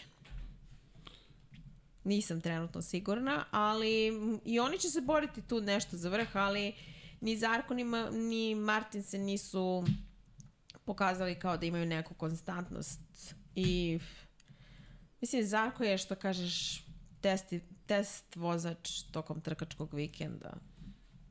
Tako da samim tim od njega očekujem mnogo više u sprint trkama zato što Zarko? realno zato što realno u svim onim trkama uh, u kojima je bio blizu te prve pobede u kraljevskoj klasi uh, malo su predugo trajale. ok, ajmo ovako, ajmo ovako. Uh, sad mi daješ neku ideju ali koja mi nije pala na pamet. Ali ti nisi rekao ko je, ko je Nea Bastianini u 2023. Ko tebe? je za mene? Znaš kako? Uh, Alex Marquez. A sad ću te reći zašto. Zato što od Marka Becekija već očekujemo. Očekujem pobedu ove godine Marka Becekija. Pa dobro. Dakle, nije mi kao je Nea kada je seo na, na, na, na Gresini i svi su se pitali šta će ovde biti, osim što smo nas dvoje znali šta će biti. Da. Kad ga vidiš uživo, kažeš, e, pobede su to. Ono se je videlo, Ali na čelu je pisalo ja ću da pobeđujem ove godine. Pa mislim, to je jedan od razloga zašto smo i tražili intervju sa njim pred Katar. ali ono je bilo zabavno zato što ti vidiš čoveka, ti, ali to je... Uh, I ja bih volao da, uz, da, uz, da umem da nekako prenesem koliko je taj fizički moment i kada nekoga vidite uživo važan. Vi vidite po On kor- zrači. Zrači, bukvalno. Kako se on ponašao sa svojim dragom. Mi imamo dosta snimaka, fotografije njegove dragi i njega koji nikada nećemo emitovati, zato što to ne radimo. Da. To smo poslali njemu i njegovoj ekipi da imaju za svoju ličnu kolekciju. Ali kada vi vidite njih, meni je to fascinantno. Ona, ona scena kada je on nju slikao Kao na ona drži lane. kompresor, čekaj, ono je meni smešno bilo, dakle ona se igra kao nešto sa alatom, ja, slikaj me za Instagram, pratite nje- nju na Instagramu i to je čovjek koji mi znamo da će pobediti, ali ono što je predivno sa Neom Bastianinim, što kada dođe moment da je kraj priče, da je kraj šale, to je to. On, je ozbiljan. ona odlazi svojim putem, on ide svojim putem i tu je kraj. On seda, seti se kako je, kako je radio, on je od prve trke, da li je pet ili šest uveče, ne mogu da setim kada je priprema, oni sede i analiziraju podatke. Alberto da. Giribuola i on se nisu odvajali. Nije to pod niste pobede došle tek tako. E sad, zato tipujem na Aleksa Markeza, iako jeste zamenio na bukvalno tom mestu Bastianinija, ali baš zato što nisu ta očekivanja. Oni su, ljudi njega generalno mnogo podcenjuju. Ja se sećam uh, Brna 2019. godine, osvojio je pol poziciju, ja sam ga intervjuisala u, u, Park Fermeu i išla sam, otišla sam njega da bi se moja drugarica slikala sa njim i ušla sam u boks. I šta je Alex Marquez pola sata kasnije radio? Imao je ovako hrpu papira u boksu i analizirao je svoje i tuđe kru- krugove. Pola sata pošto su se kvalifikacije završile, on je sedeo sam sa još nekim, sam je sedeo, tu su bili još neki momci iz ekipe, ali on sam sedi i analizira. Mnogi ga pocenjuju zbog činjenice čiji je brat i zbog toga što je došao Pa, što je došao gotovo Hondu. preko veze. u Hondu preko veze, iako je on kao šampion uh, Moto2 kategorije I Moto3. i Moto3, ali u tom trenutku kao aktualni šampion Moto2 kategorije i tekako zaslužio mesto u šampionatu. Ali ima, jedna, jedna, ima dve stvari. Zašto mislim da će... Zato kažem, od Luke Marinija očekujem više svakako. To je treća sezona, Beceki je druga sezona. Ali Alex Marquez mislim da upravo to pocenjen. Dve stvari, međutim, Davide Tardoci je rekao, mislim da će ljudi vidjeti koliko je zapravo brz. To je ipak dvostruki šampion sveta. I druga stvar, Alex koji je rekao, svestan sam da od ove sezone zavisi moja budućnost. Pa oslobodio se te senke. To, brat, Da, oslobodio se te senke. Ono, odmetnuo se, potpuno se odmetnuo od uh, brata, od, od Honde, od povezanosti koju je imao pa dugi niz godina. I to je zanimljivo u All In, u dokumentarcu o, o Marku Markezu, kada Alex priča koliko je u, u ovom trenutku njihovih života važno to što zapravo oni odlaze od svoje kuće. Dakle, oni su otišli. Oni su sada u Madridu i kaže to je takođe velika stvar, ali istovremeno na, i njihove karijere traže nešto novo. E sad, ne, ne govorim da će Mark Marquez da ode iz Honda, što me ne bi iznenadilo iskreno, ali činjenica je da se i njemu zatvaraju vrata. Ranije Ducati bi samo pisao, pitao koliko tražiš. Sada, pitanje, Ali sada Ducati može da bira, koga želi. da, Ali, da- e, da te pitam, ajde, ajde, nismo, ni- nismo diskutovali o tome, mada mi si mi dala par, par ideja već kroz Zarka, a to je, ko bi sad, kome bi sada bio potreban Mark Marquez i da li ikome? pa Sada. KTM. Da, ostajemo na KTM-u. Ja bih volao da vidim tu kombinaciju. To nije moja ideja, ne sećam se kom je to rekao još davno, kaže KTM Ja Mark sam Marquez. pisala, ja sam pisala o tome kada je pre prethodnog uh, produžetka ugovora da sam, da, da sam napisala dva puta Red Marka, Bull. godinu dana pre toga mislim da sam pisala dva puta Marka Markisa gde sam rekla da je jedan put Honda, drugi put KTM. Samo Stojiš što, pri tome? Da, apsolutno, jer Yamahi nije potreban, Da li bi ga ti angažovao? da. Okay. Mislim, u KTM u ovom trenutku sa, u ovom odnosu snaga, da. Ok, ja bih ga angažovao. Tamani da ne osvaja ništa i ne pobeđuje. Tu riznicu znanja i neverovatnog Pa mislim da možem- motocikla. Može mnogo toga da im donese, svakako mnogo više nego sva ova četvorica trenutno zajedno. Potpisujem. Apsolutno potpisujem. Njega dovesti, to, to ti menja mnogi stvari. Ali dobro, da se mi vratimo na par stvari. Pazi, Zarko. Na Ducati se- opet. Da, pa, pa nemaš pobegneš od Ducatija. I niti treba. Tu su gde su s razlogom. Zarko je samo poslednji nekoliko izlazaka na stazu zapravo posvetio svojim pripremama za trku. Do tog momenta Zarko je bio zadužen da testira sve što mu Ducati da da testira. Test vozač. On je pravi test vozač u trkačkim uslovima. I tek kada je dobio slobodu, odvezao je ove brze krugovi i bio na poziciji broj 2. Ali ja, mislim, njemu je problem glava. On je brz, ali mnogo puta u poslednjih nekoliko sezona je, ga je glava košla od toga. Mislim da ne pričamo o tome da je mogao već da ima tu prvu pobedu, ali odlučio da se ne bori. A ne, nije bilo potrebe, Banja je bio svoju titulu i bez toga. Naravno. Ali ali, ali nema veze. Druga Mislim, priča. u svakom slučaju, um, ne znam. Mislim, on je u nekom trenutno čudnom trenutku karijere. Mislim, on je veteran. On, on već ima popriličan broj godina u odnosu, mislim, ovo su sve, većina njih su klinci za, za Zarka, a Zarko trenutno, pa ne, ne znam, mislim, šta, šta je dalje, za, šta dalje za njega? Mislim, on u, u fabričkom timu Ducatija neće završiti, Superbike. ali, pa da, Superbike. Da. 32 godine, uskoro 33. Misliš novi Michele Piro da bude otprilike nešto tako, ali da vozi... Ja mislim da bi on u Superbike-u se borio za titulu, iskreno. Ne, ne, mislim, više mi je ono da vozi Superbike, a da nekad ima ono wild card kao Piro. Mislila sam na to. Aha, pa dobro, to, to, a, to je zanimljivo. Ne znam da bi ga zvali, ali svakako bih volao da ga vidim u Superbike-u. Iskreno bih volao zaista da vidim čoveka u Superbike-u, jer mislim da bi kao i u Moto dvojkama bio mnogo ozbiljan vozač za, za titulu šampiona sveta Da. i mislim da cijela ta atmosfera u Superbike-u mnogo više odgovara njegovom Da. senzibilitetu. Da. Prosto mi tako izgleda. Znaš ga.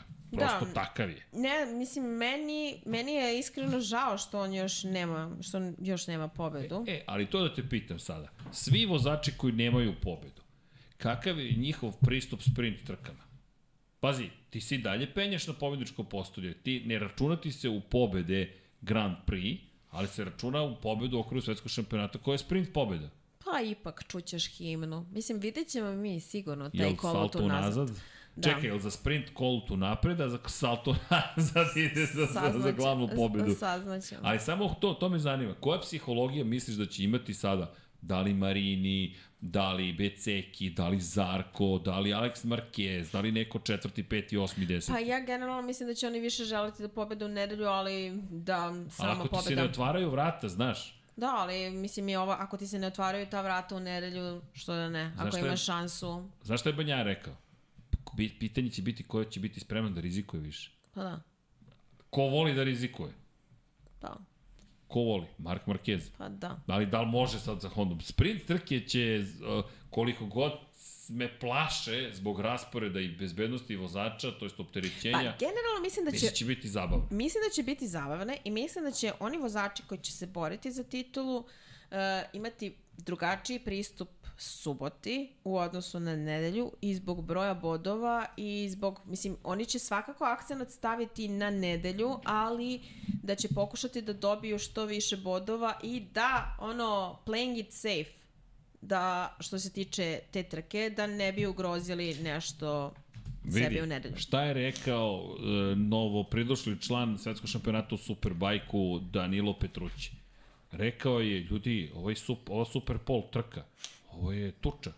Ovo je tuča, ja očekujem tuču u sprintu. I sad, kažem, brine me bezbednost, ali s druge strane, iz perspektive spektakla, ako je savršen vikend i ne dešavaju se otkazivanja kvalifikacija, samo zamisli subota kako će da bude uzbudljiva. Ma biće bre, sp- spektakularan ceo vikend. Ali, mislim, i od pazi- prvog treninga, mislim, drugačije, uloge su promenjene, sve je, ulog je drugačije. Intenzitet je podignut. To da. isto me zanima ko će tu da pukne po tim intenzitetom, jer to je test ogroman, ali samo zamisli prva sprint trka.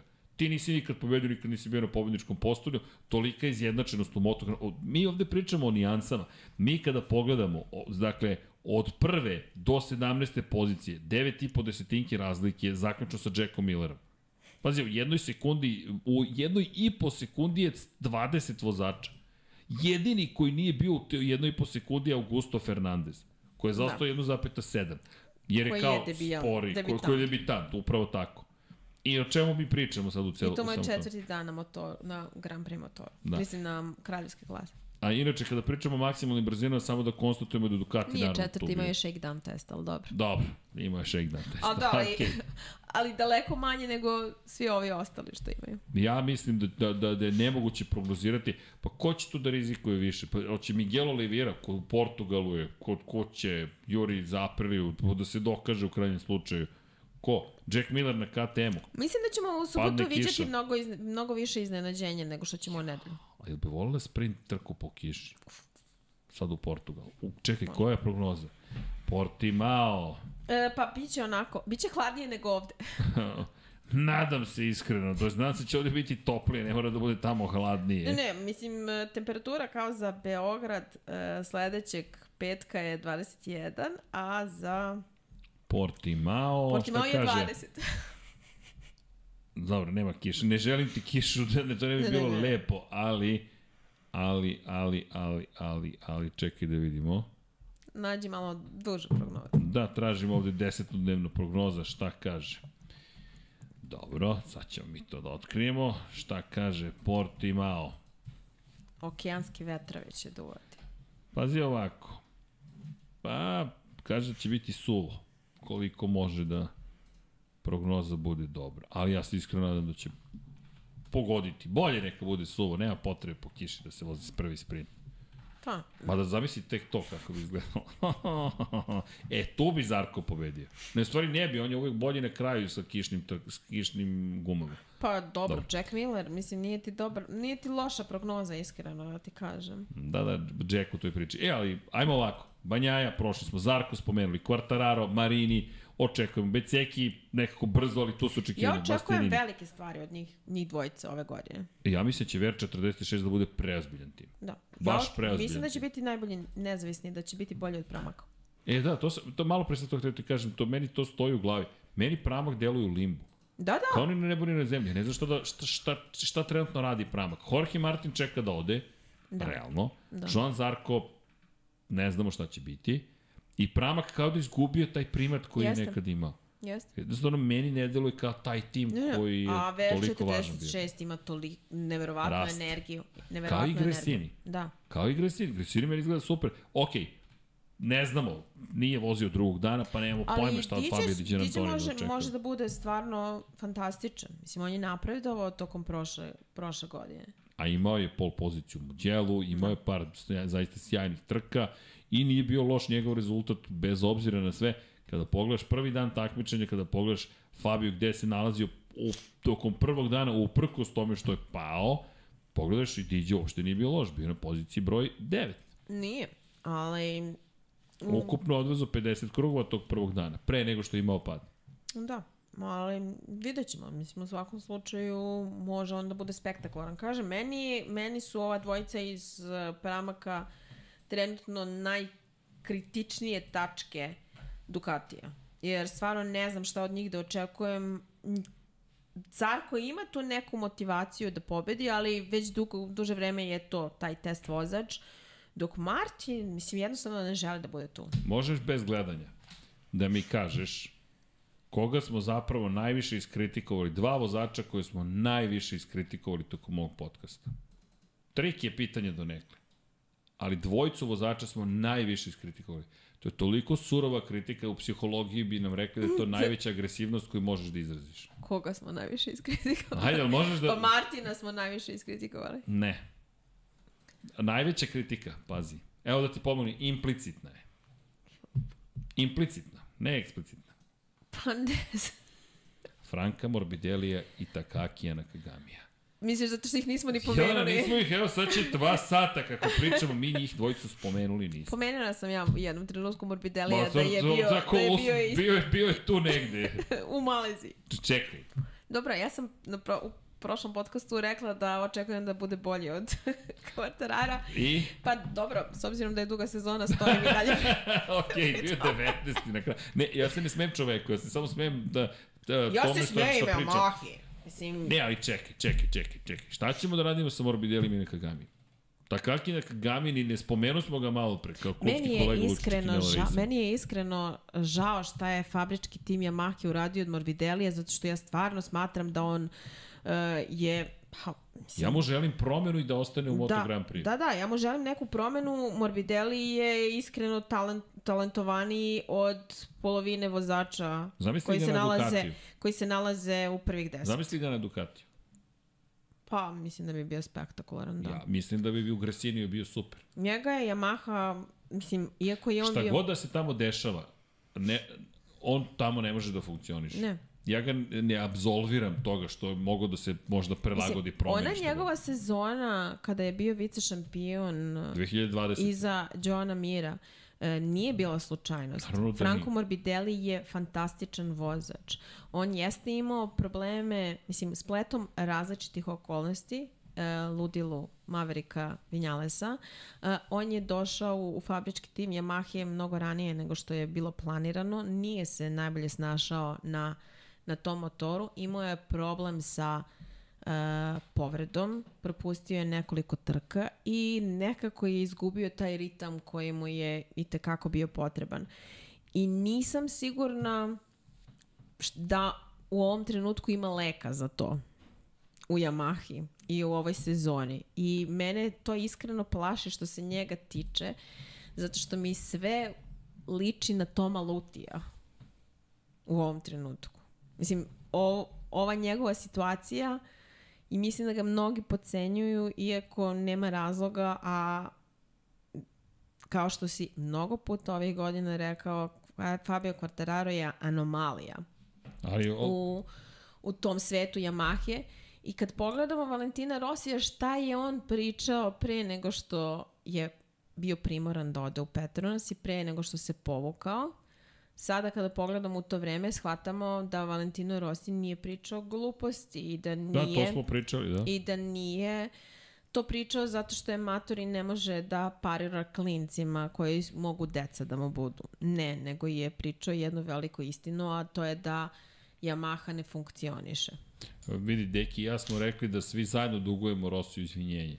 U kontekstu toga što je ta poslednja sezona izgledala nekako prosečno po njegovim standardima svakako, a onda dođeš i vidiš zapravo da je Yamaha ta koja odgovara isključivo Fabiju Quartararu, što je pohvala za Fabija, to ne znači da, da, da Valentino nije mogao drugačije ili da nije mogao Morbidelli, ali Rossi 40 godina u tom momentu malo teže. Morbidelli I evo sada ponovo priča o tome da je agresivniji nego što je bio da pokušava, ali prosto ima tih situacija u kojima ne, stvari ne funkcionišu. Ja mu zaista želim promenu, želim da ga vidim na još jednom moto, na nekom Da. motociklu, da li je to Ducati, da li je to Aprilia, da li je to, reci, reci. KTM. KTM, ok, ajde, bilo bi lepo da ga vidimo.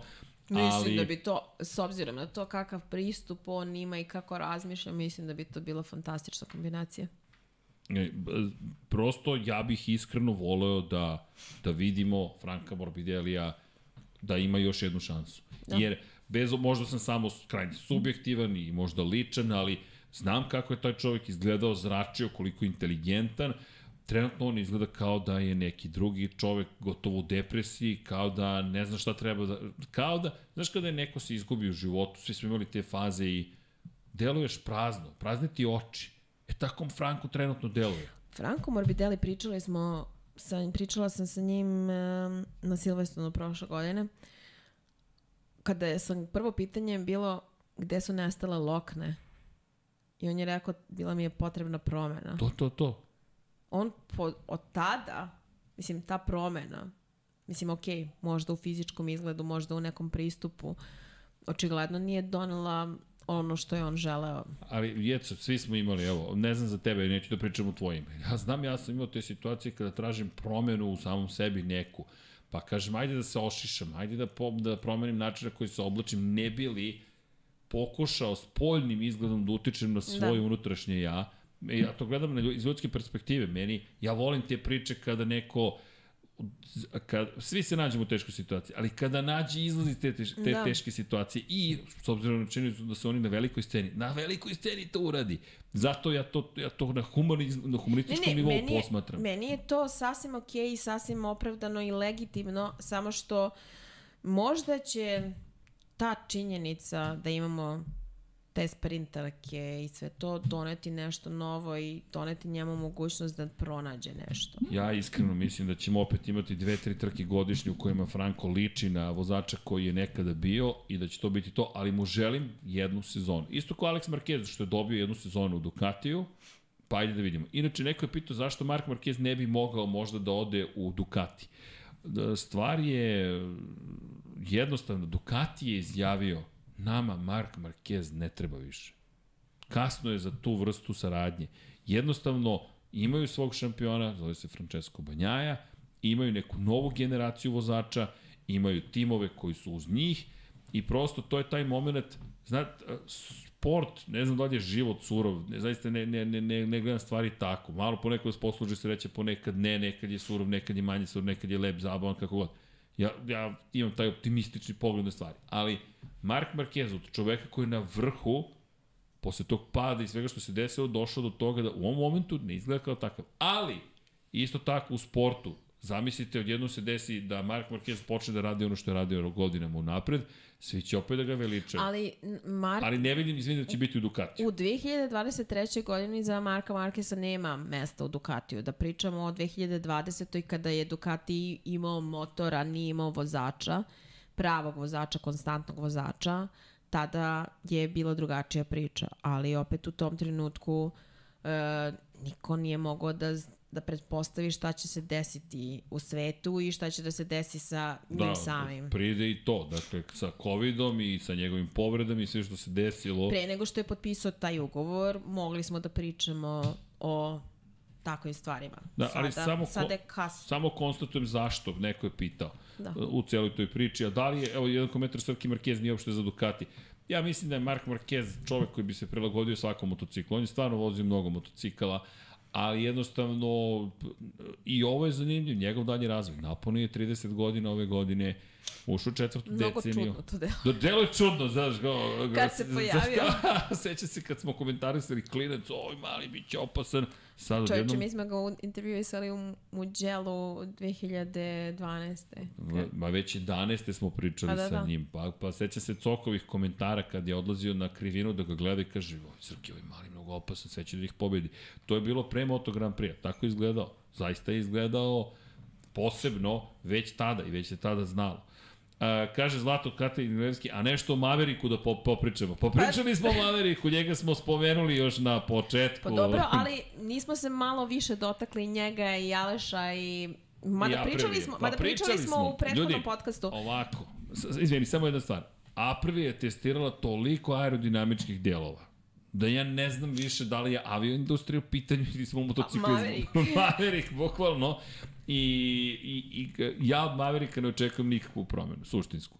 I, iskreno, verujem da će biti na pobedničkom postolju uz malo sreće, mislim da može do jedne pobede, ali da će sad odjednom da bude kandidat za titulu, ja to zaista ne vidim, mislim da polako prolazi bilo kakva šansa da, da to postigne, mislim da je imao i priliku i da je pao pod uticaj, ne uticaj, da je podlegao psihološkim igrama Valentina Rossi i to je to.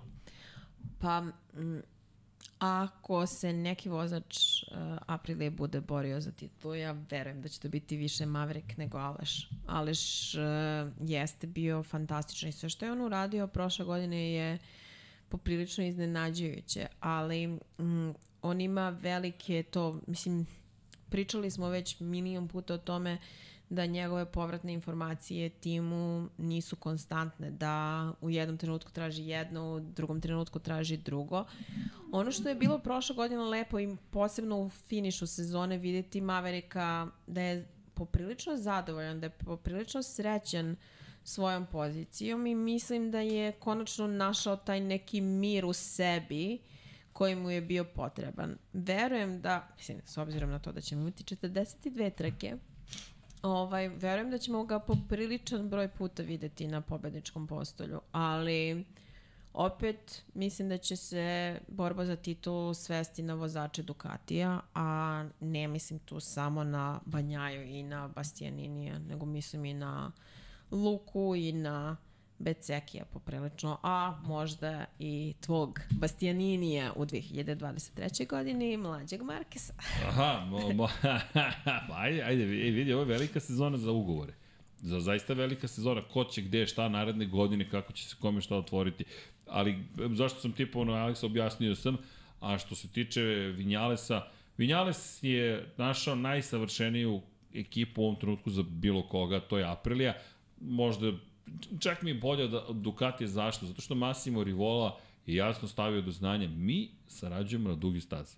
Da. Massimo Rivola ima neki pomalo stari, old school fazon, stara škola, gde nije, e, ok, vi ste pokretna traka i kao mlin za meso. Blank, da. blank, blank, blank, blank, blank, Ali on je toliko, ne. deluje, uopšte ne, mislim, mi smo ga sreli u Valenciji, e, tamo u City of Arts and Sciences, kako se šeta. I našem snimatelju Andriju sam rekla da je to šef Aprilije i on je rekao, pa uopšte ne deluje kao, š, kao ovaj šef Kao nije napet, deluje opušteno, potpuno kao sutra počinje trkački vikend. Ja kažem, vidjet ćeš ti njega u boksu i delovaće ti identično tako.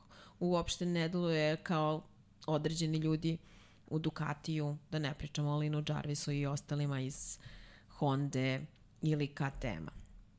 Vidi, meni ono što se dopada kod njega upravo je taj ljudski moment. I kao onoga momenta kada je on rekao, ja E, stojim uz Maverika Vinjalesa, naš kapiten, naš vođa jeste i ostaje. Aleš. Tako je, ali produžavamo ugovor sa Maverikom Vinjalesom, dakle produžavamo ugovor sa Maverikom Vinjalesom, pre nego što je Maverick išto učinio za Apriliju, za mene je bilo potpuno genijalno.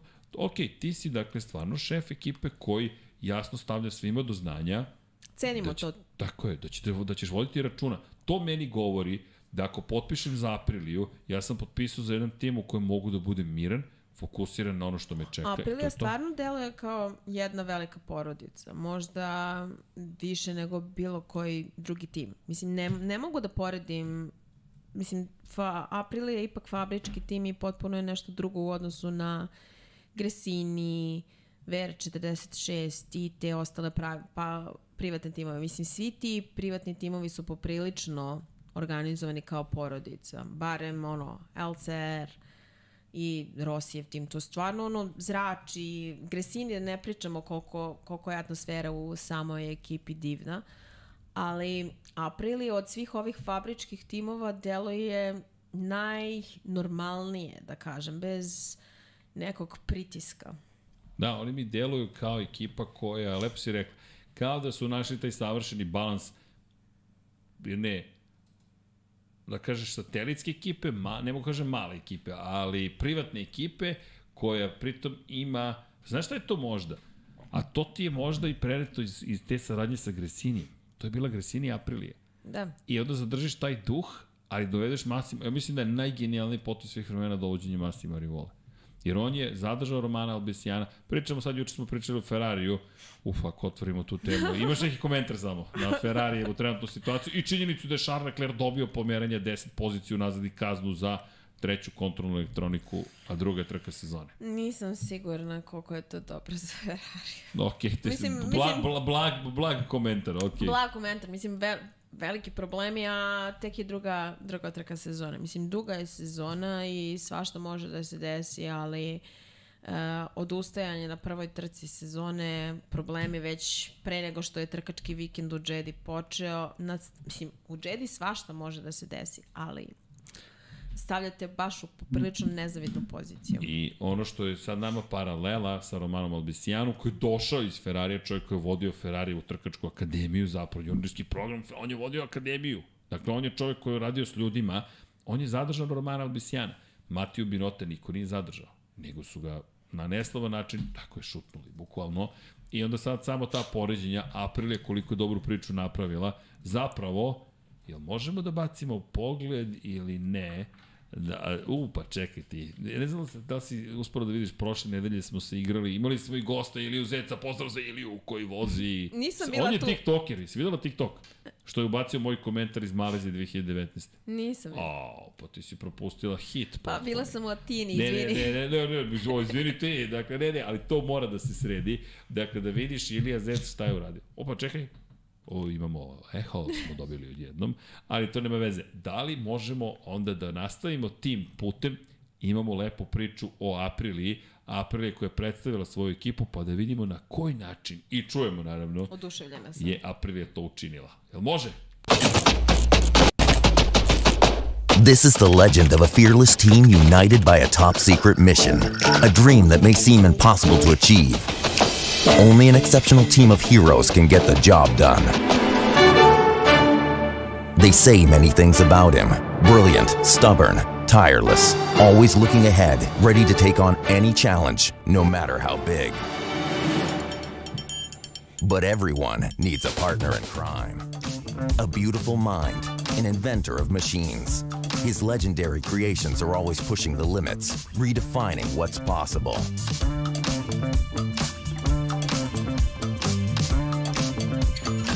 Together, they are an exceptional duo, always in sync. But these two men are not alone.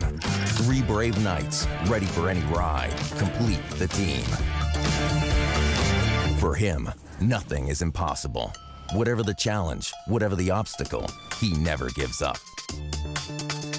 Experienced, diligent, a guiding light for all to follow. A champion of style and talent, instinct and guts. A real pleasure to watch. There must be a reason his parents named him Maverick. A man of fascinating and striking charm.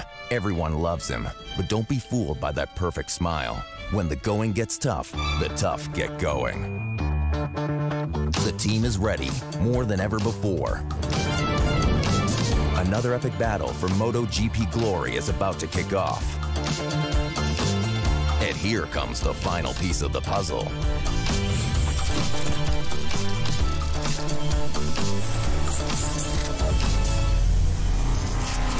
There she is.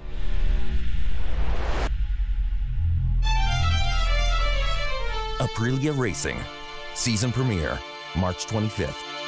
Time to hit the track.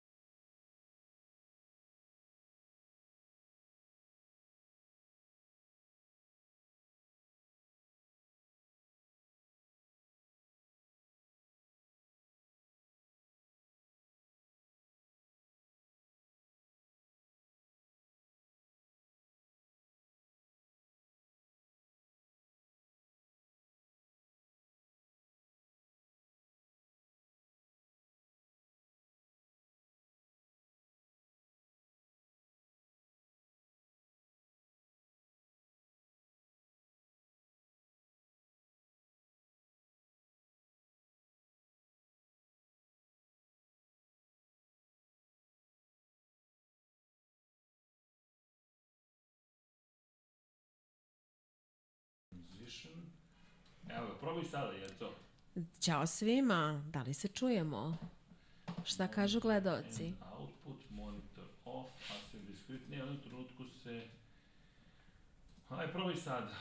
Sada te čujem duplo. Da, da, da, da, da, ali probaj da pričaš. Ćao svima. Da li se čujemo? A se, moraš da pričaš i dalje. Da, dragi gledoci, ostalo je još koliko dana? Ide, e, sad. Devet dana do početka nove sezone. MotoGP ide, Radi, šampionata. radi. Eto, to je to. Kada će to. srđan da zablista iz kabine. Ok, I sredili da se smo. javlja sa Ponovo radi bioskop. storijima. Nešto se desilo, tiltovalo, inače sve. Radi, radi, kaže, ali tiše. Uh, e da, možda je, ne, znaš šta se desilo? A, otišla je decibelaža, verovatno na scroll je decibelažu on tiltovao. Uh, kod njih chat, aha, Srki sve u redu, dobro, eto. Eto, rešio se sve. Rešili smo sve. Uh, malo ne znam šta je bilo sa Nucleus Aerospace. Samo nismo stigli da ispratimo, ali sa Nucleus Aerospace, drugo što su maloletne, uh, maloletne osobe, pa moramo da dobijemo dozvolu roditelja sa njima da komuniciramo i radimo. Ali ćemo iz te perspektive uh, podržati uh, i celu ekipu, treba da im se javimo, tako da znate. Srki vreme za novu miksetu. Nije, nije, nije, nije. To, to je, to je mikseta, nije, nema miksete, mi imamo samo audio interfejs. Mikseta je ukinuta pošto uvodi šum u celu komunikaciju, ali kaže Branislav Dević dajte pare na Patreon. Da, da, zvu, treba nam novi audio interfejs. Zapravo treba nam novi ATEM mini switcher za 1 na 1. Počinju Miksa i Vanja da rade podcast o NBA ligi. One on one.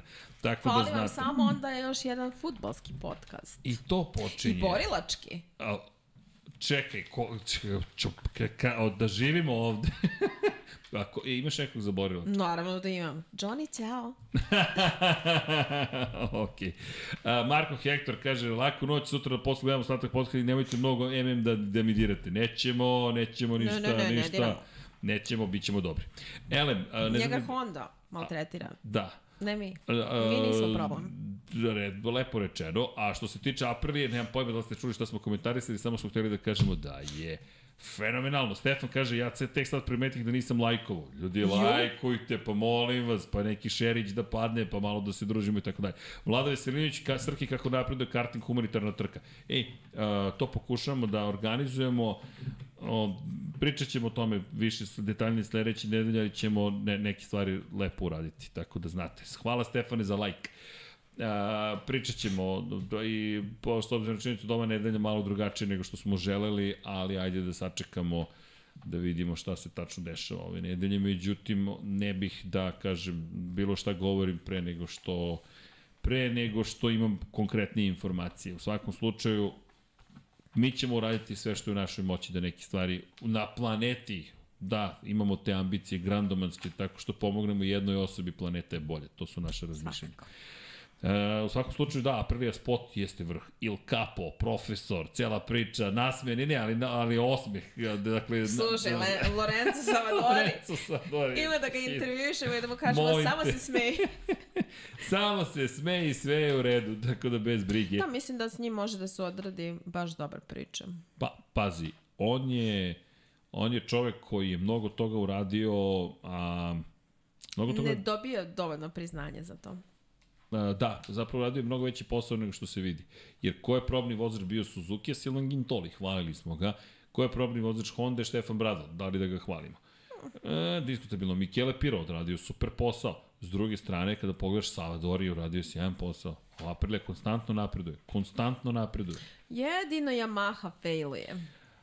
Je li to zbog Kala Mislim, Kračlova? KTM, pa, KTM, da, ali KTM evo je napravio ozbiljan uh, test tim. Mislim, oni imaju Danija Pedrosu, imaju sada i Jonasa Folgera i Miku Kalija. Jeste, oni su baš angažovali mnogo ljudi. Da. Baš. I vidi se da hoće da rade, dok Yamaha, eto šta radi, angažuje po nekog Japanca i Kala Kračlova. Uz dužno poštovanje Kala, Kalu Kračlovu, ali mm, Yamahi fa, fali privatni tim i to će se i tekako osetiti ove godine. Pazi, Yamaha, ono što je rekao Lin Jarvis, sprema se za dovođenje Za nazad. Rosija. Pa, jel, jel misliš da će biti Rossi? Pošto je to i Vjehas rekao, ja sam ubeđen da je to veoma logičan korak. Ono što je tu problem, ja mislim da će se lomiti koplje, znaš gde? Ver 46, ukoliko počne da pobeđuje ove godine, da li zaista želiš zbog Ne. asocijacije s Yamahom da menjaš? Ne, Zašto bi to uradio? Ne, ako sve funkcioniše, a trenutno funkcioniše, nema razloga da se bilo šta menja. Ali Yamaha pod hitno mora da nađe nekog partnera. A, da li ćemo da pričamo sa Leopardom o tome? Uh, da, ok, ček, polako, ima tu, ima još mnogo priča. Uh, jedno pitanje, video sam da je, za, da je, da je vozačima vrat go, tako da nema nikakvu zaštitu. Kako ne naprave nešto da im zaštite vrat? Uh, teško je, a da zadržite mobilnost koja je neophodna za Da, da. upravljanje motociklom. Ono što rade zapravo da kada se aktivira vazdušni jastuk u samom modelu, pokušaju da ih spreče da glava leti previše, zato se toliko i naduva. Bukvalno toliko. Da. I Marko, dobro je pitanje, ali verujte, rade baš puno na tome. Inače, e, Bennington Chester može li ludi Alex Rins do pobede? A naravno da može, već i Jelena je tipovala da će imati pobedu, pa kako ne može? Mada, pre pitanje za Hondu, da li Honda može do pobede, a ne Alex Rins? Ali koliki... Zamisli da Rins zablista potpuno i bude bolji od, od Marka i od Joana. Pa ja ti kažem, Honda Cup, moje mišljenje je da mi, bez obzira šta Honda može da uradi, da mi prisustujemo spektakularnoj borbi između njih trojice. Da, ali e, nismo na Kagamija i dalje. A dobro, šta ćemo sa Nakagami? Pa on je tu slepi putnik, mislim, već neko vreme. Mislim, on je tu zbog svoje povezanosti sa Hondom. Ali, Do kada? Ali do, do kraja ove sezone doći će uh, Ayo Gura, doći će Somkiat Chantra. Neko će da dođe. Neće, neće na Kagami ostati duže od ove sezone. Mislim, možemo da se kladimo u to. Ba, Ne, vidi, ja svi čekamo Aja Auguru. Ja, on je već predugo tu. Već, mislim, ni prošle sezone nije trebalo Vidi, da bude tu. ja mislim da je Augura već mogao da uskoči u celu priču. Ali da. okej, zadržali su ga, poštujem i taj, i, i taj stav da mu pružiš još jednu šansu.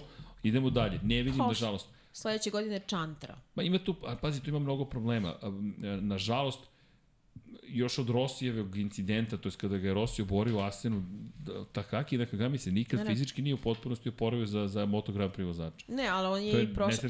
Znam, ali i prošle godine je imao stvar, on je bio u, u nekoliko navrata izuzetno opasan i po, sam po sebe i po druge vozače. Dobro, tu, tu, tu se ima malo, ne mogu kažem, nežniji, napravio je veliku grešku, ali nije baš čovek koji toliko greši da ga Ne. pretvorimo u opasnost na drumu. Ne, ne, ali bio, ima je neke diskutabilne poteze. Ne treba ga linčovati kao što su pojedini vozači radili to u tom, tom To slučaju. je baš bilo preterivanje. Zato što, mislim, šta se desilo, pa i Jorge Lorenzo je samo dve godine, ran, tri godine ranije uh, izbacio potpuno konkurenciju i u, i tekako uticao na, na, Zašto ovaj, me vraćaš? Zašto me vraćaš na tu trku? Zašto me vraćaš na taj težak trenutak u istoriji Moto Grand Dobro, Prix? da li, prati, da li pratiš šta Lorenzo trenutno radi? Pa trenutno on je, je u show biznisu čovek. Bukvalno je trenutno u show Ja biznisu. stvarno ne znam kako bih komentarisala i voljela bih da Pa- neke vide nisam videla. pa znam, ali on je tu čovek i to je sve Znam, u ali redu. stvarno, to je ona scena. Jel mogu da vratim vreme da ne vidim to? Da, some things cannot be unseen. Ali dobro, vozit, vozit će Porsche, ili Porsche Super Cup će Porsche. Super Cup će voziti. Tako da, eto, trkat će se nešto. Ne, pa svakako, pa ne mogu oni bez kopira toga. Rosije. Ali No, Jelena, šta ćemo mi dalje? Kakva je situacija sada? Nismo sad krenuli, nismo... Um, Jacka Millera si pomenuo i KTM Šta i ćemo s Breda KTM? Bidera. Tu smo Pa. se samo dotakli blago od toga šta očekujemo, ali Jack Miller 17. pozicija na kraju i sam je rekao, mene još čeka put da otkrijemo ovaj motocikl, ali ono što mene više zabrinjava je sekund za ostatka gotovo. Da. Baš je velik zaostatak u odnosu na čoveka s kojim je delio garažu prošle godine. Uh, da, i, a Binder nije toliko loš, ali opet Binder je poslednjih godina imao, mislim, ne poslednjih godina, od uh, debija u kraljevskoj klasi je imao previše uspona i padova da bismo mogli ozbiljno da računamo na njega.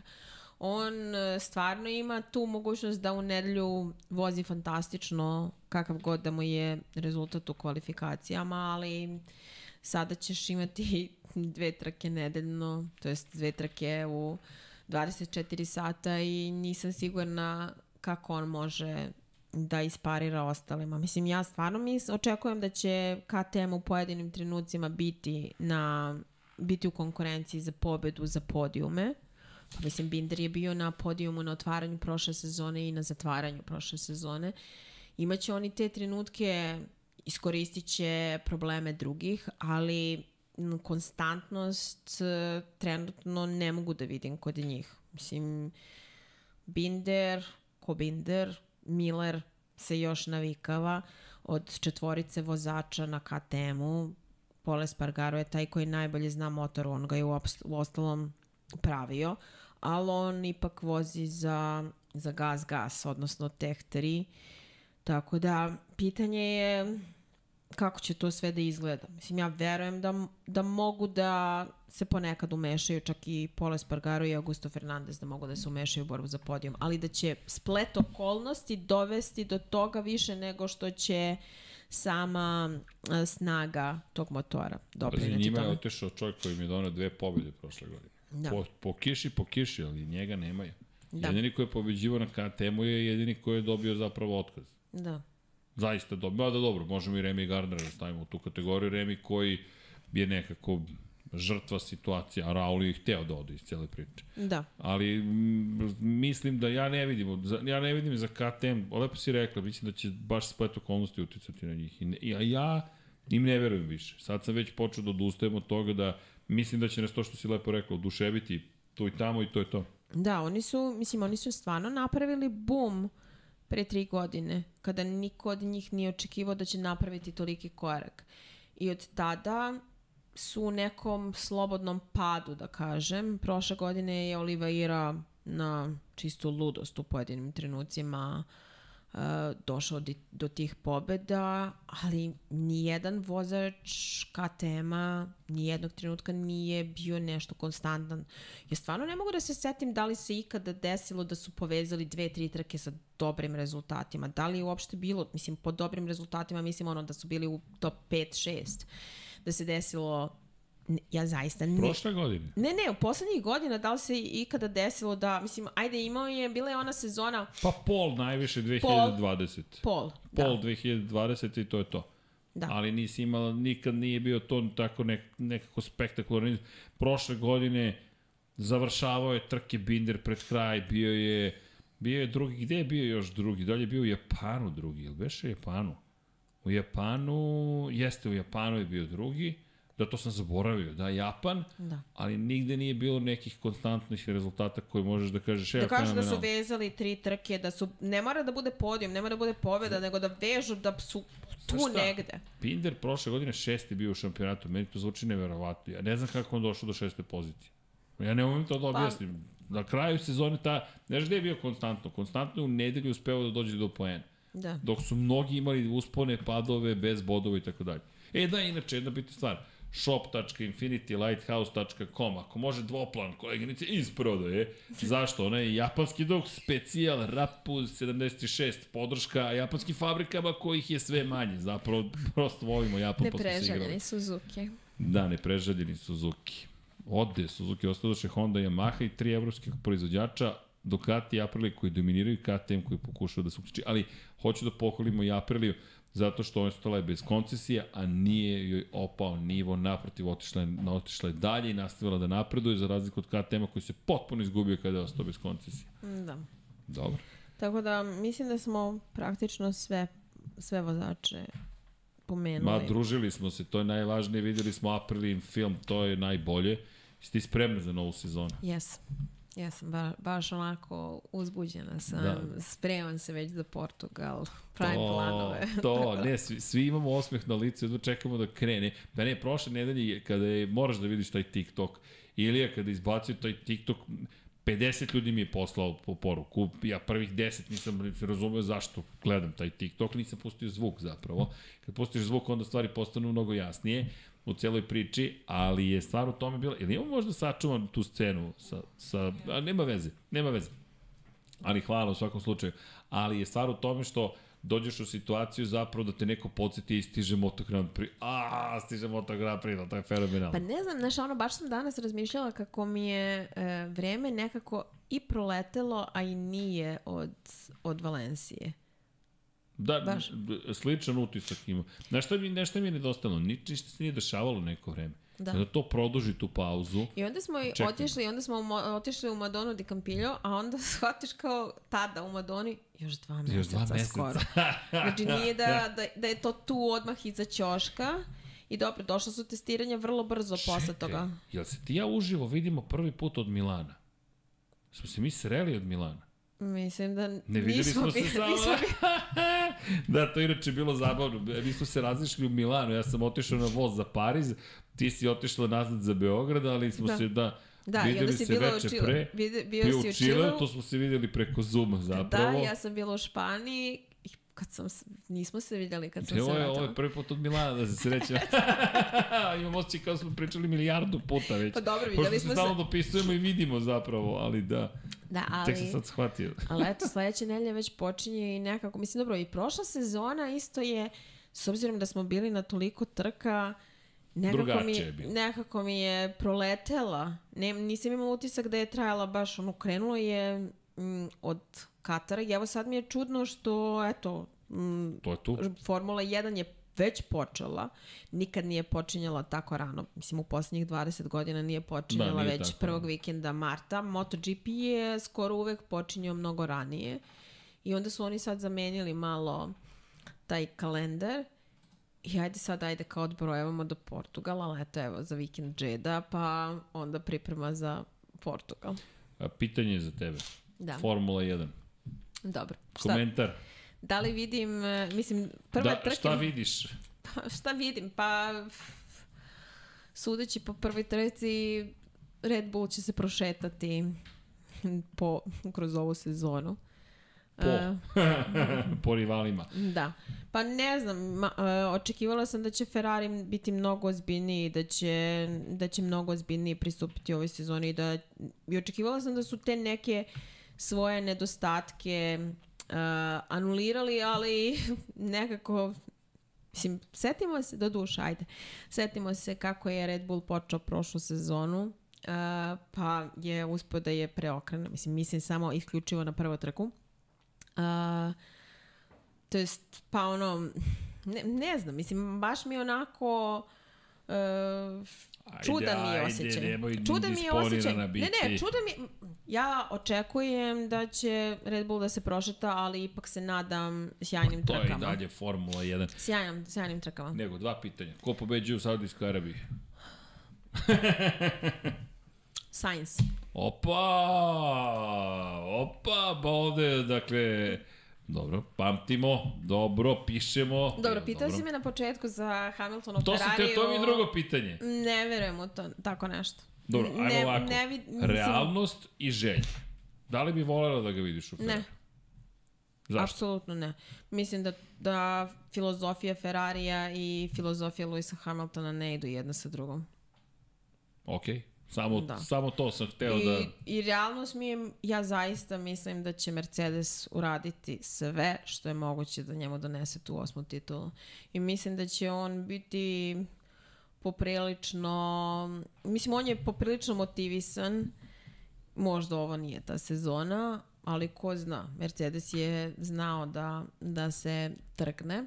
Ono što me stvarno posle ove prve trke sezone raduje je to što je Fernando Alonso tu negde i što nije još za staro gvožđe. Iako smo to znali već neko vreme, ali lepo je vidjeti i potvrdu u vidu tog podijuma i ja zaista verujem da određeni splet okolnosti i njegove ludosti može da dovede do toga da dođe do te pobede koju čeka baš dugo.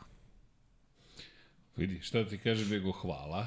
Imam, ima, imam ovde još neke, da kažemo, rezultate privatnih testiranja. Pedro Acosta je ponovo uzeo broj 37, bio je prvi. Albert Arenas dobro izgleda u novim bojama, ok, bit će to zanimljivo vidjeti ga, nekako taj Red Bull KT Majo kombinacija do dobro deluje. I naravno imamo situaciju u kojoj pokušavaju nekako Mark Vedes Racing, ceo tim da, da dovedu ponovo na vrh, pre svega mislim na Sema Lousa, o Toni Arbolina zaista mnogo čekam. Mnogo ljudi mi pitalo za Toni Arbolina u, u Novom Sadu. Ja sam rekao, ljudi, ono što smo ti ja pričali, nama on deluje, meni, ne znam da se da li Da, da, delimo mišljenje, deluje sjajno. On je prošle Zaista. sezone u pojedinim trenucima i, i sam finiš sezone izgledao je baš onako motivisano i mislim da je taj finiš sezone iskoristio za pripremu za ono što ga čeka ove, se, ove godine.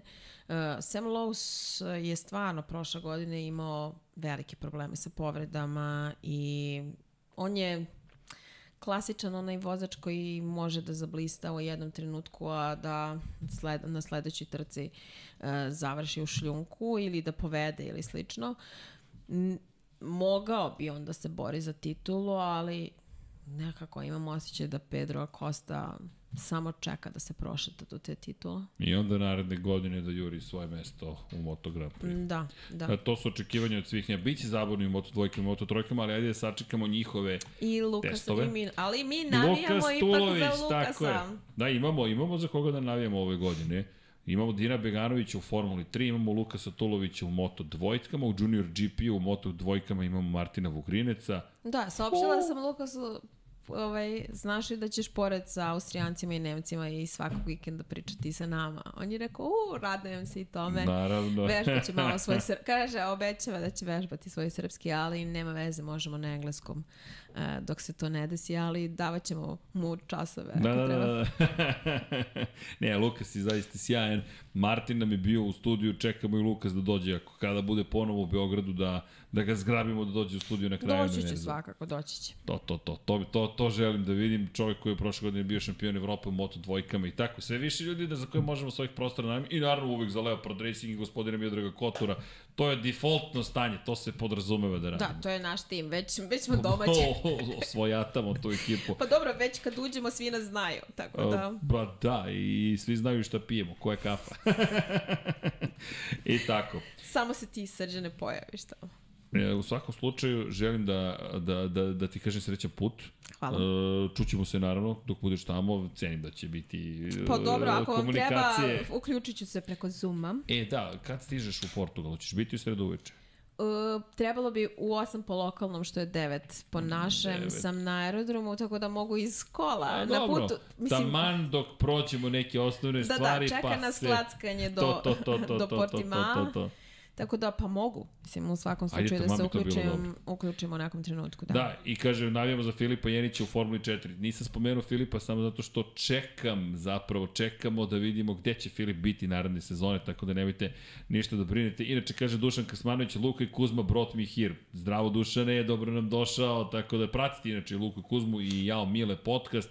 Pripremite se za jedan na jedan, ma sve, sve, na apsolutno svaki podcast, pripremite se za jedan na jedan, A spremite se... ćemo Sržine da te pitam nešto? Pitaj me. A, jedno Nešto? ozbiljno pitanje. Kad slažemo slagalicu? Koju? Pa onu sve, onu, kako se zove? Svemirsku? Pa, Jesi sigurna da želiš da učestvuješ u slaganjima? da. Da. Okej.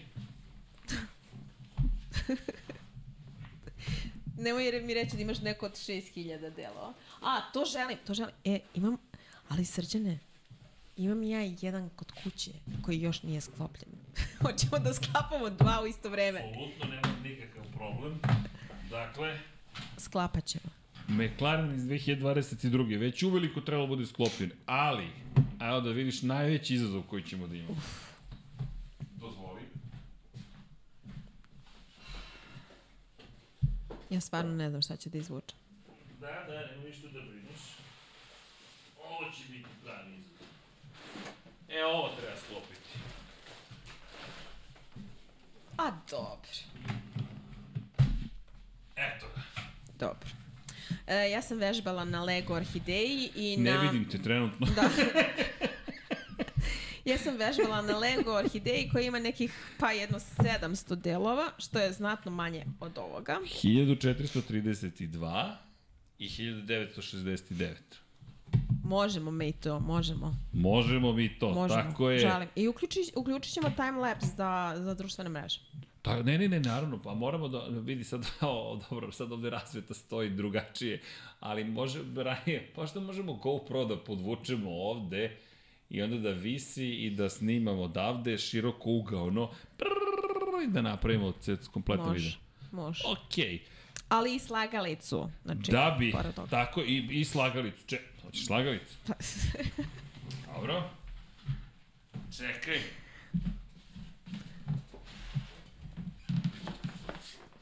Nisam mislila na tu, mislila sam na onu, onu Jel može? Sve rakete. I onu, Komercijalno. I onu bre sa, sa onom raketom što sam ti ja uzela. A, raketu, misliš uh, Tintin? Ne, mislim Čekaj. na onu raketu koja se, koja se sprema za poletanje, ona troglasta. Aha, to je tamo. Čekaj, imamo još igrača. Okej, okay. samo mi recite.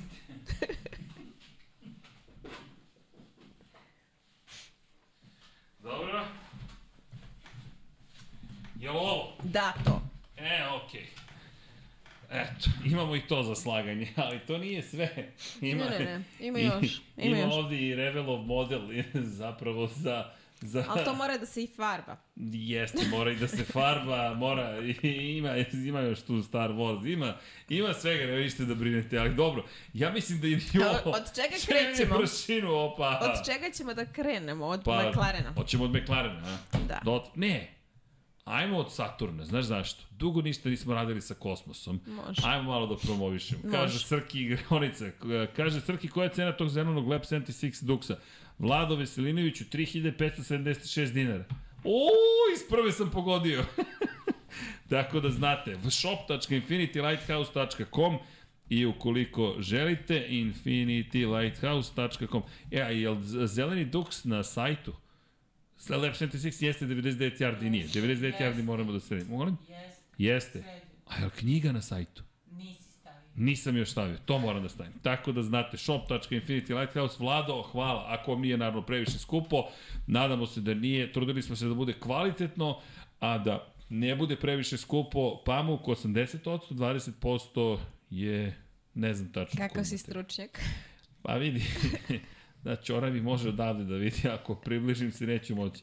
20% polijester, e.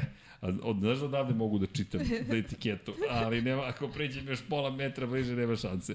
Ok, a, lako je vama da sklopite McLaren, bolje ćete da ga sastavite nego fabrika.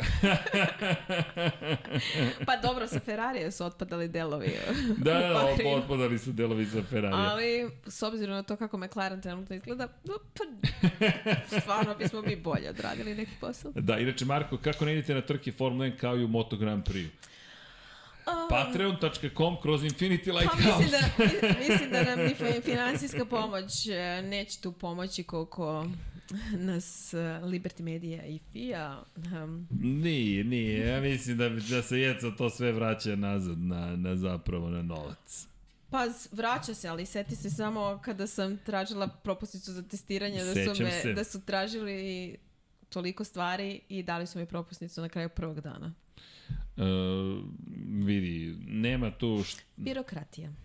da, bukvalno birokratija. Ali šta hoću ti kažem, uh, hoću Mi ti bismo kažem... hteli, Dobro. ali vidjet ćemo ka, šta će biti moguće. Ono ni za patreon.com kroz Infinity. Lighthouse.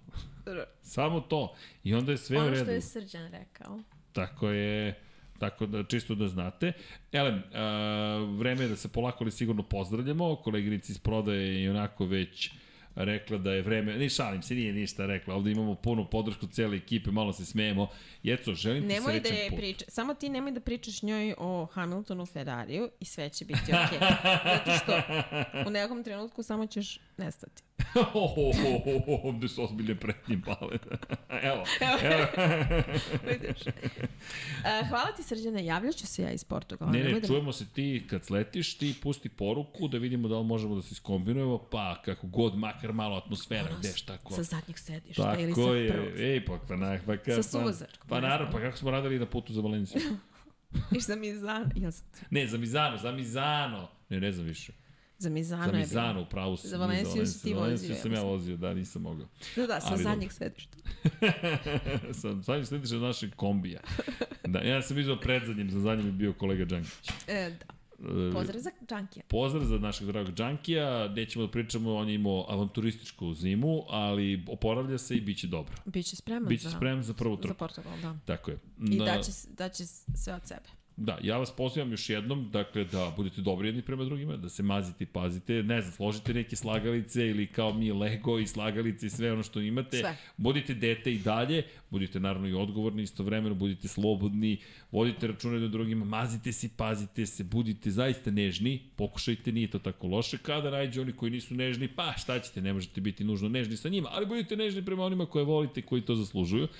Udrite like, budite dobri, volite se, mazite se, pazite se. Mi ćemo se zahvaliti našim Patreonima i YouTube članovima. Inače, dobili smo novog člana, nisam stigao da pročitam čoveku ime, ali ćemo to da obavimo koliko odmah, samo da vidim.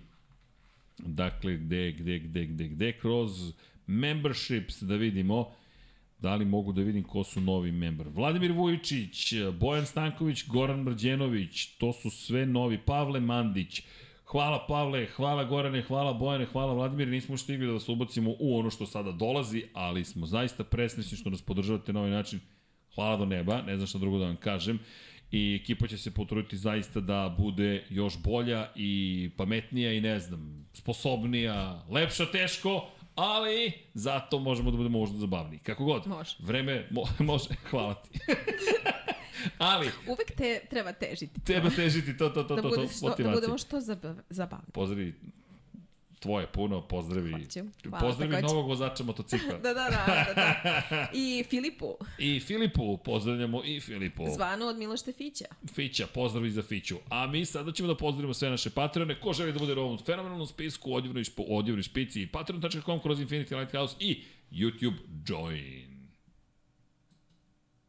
Marko Mostarac, Andrija Todorović, Živojin Petković, Ivan Toškov, Jugoslav Krasnić, Zoran Majdov, Zlatko Vasić, Mario Vidović, Jelena Jeremić, Josip Kovačić, Aleksa Jelić, Blufonac, Jelena Veljković, Anonimus Donatorus, Anonimus Donatorus još jedan, Mladen Krstić, pa još jedan Anonimus Donatorus, Dimitrije Mišić, Nikola Grujičić, Ognjen Marinković, Mirena Kovačević, Sead Šantić, Nemanja Zagorac, Luka, Mlađan Antić, Veselin Vukićević, Vladimir Petković, Srđan Sivić, Đole Kube 4, Sava Dugi, Bojan Bogdanović, Vojin Kostić, Safet Isljami, Aca, Vi, Zla, Nedo Lepanović, Stevan Zekanović, Alen Vuletić, Životić, Jovan, Borko Božunović, Emir Mešić, Đorđe Đukić, Tijena Vidanović, Đorđe Andrić, Aleksandar Milosavljević,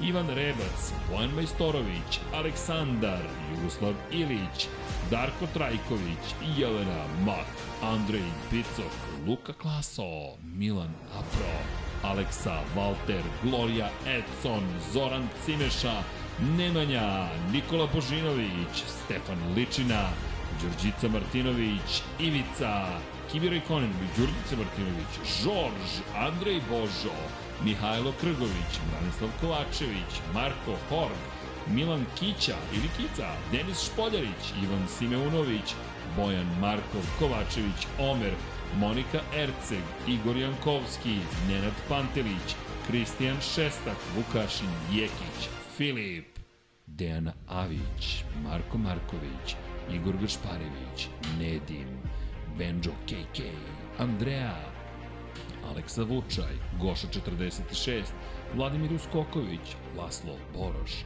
Pavle Nj, Vladan Miladinović, Matej Sopta, Džigi Bao, Nedim Drljević, Đorđe Milanović, Marko Petrekanović, Đorđe Radojević, Aleksandar Radivojša, Deus Nikola, Aleksandar Jurić, Vladimir Filipović, Marina Mihajlović, Dušan Delić, Crnogorski džedaj, Dejan Đokić, Matija Rajić, Branislav Dević, Strahinja Blagojević, Miloš Radosavljević, LFC, Milan, Vladimir Mutić, Nikola Milosavljević, Lazar Pejović, Miloš Todorov, Borislav Vukojević, Inzulin 13, Aleksandar Banovac, Andreja Branković, Luka Manitašević, Stefan Vuletić, Vukašin Vučenović, Nemanja Jeremić, Bakter Abdurmanov, Vučinić Miroslav, Marko Ćurčić, Bojan Mijatović, Boris Golubar, Ognjen Grgur, Lukas, Lukaš, Ivan Maksimović, Miloš Rašić, Ante Primorac, Boris Kujundžić, Boris Erceg, Dragan Matić, Dragan Nikolovski, Dušan Ristić, Lazar Hristov, Luka Savović, Branko Bisački, Armin, Ljubo Đurović, Stefan Lešnjak, Miloš Vuletić, Igor Vučković, Nemanja Miloradović, Milan Paunović, Bata Braga, Miroslav Cvetić, Damjan Veljanovski, Danka, Nenad Đorđević, Ivan Panajotović, Marko Bogavac, Ivan Milatović, Vlada Ivanović, da žena ne sazna, klub stomatanja Ramona Mireza, Petar Relić, Mladen Mladenović, Ivan, Stefan Prijović, Marko Kostić, Jesenko Samarđić, Petar Nojić, Nikola E, Vanja Radulović, Jasmina Pešić, Aleksa Lilić, Đole Bronkos, Zorana Vidić, Optimistik, Josh Allen Fan, Milan Nešković, Borislav Jovanović, Stefan Milošević, Aleksandar Antonović, Stefan Radosavljević, Miloš Banduka,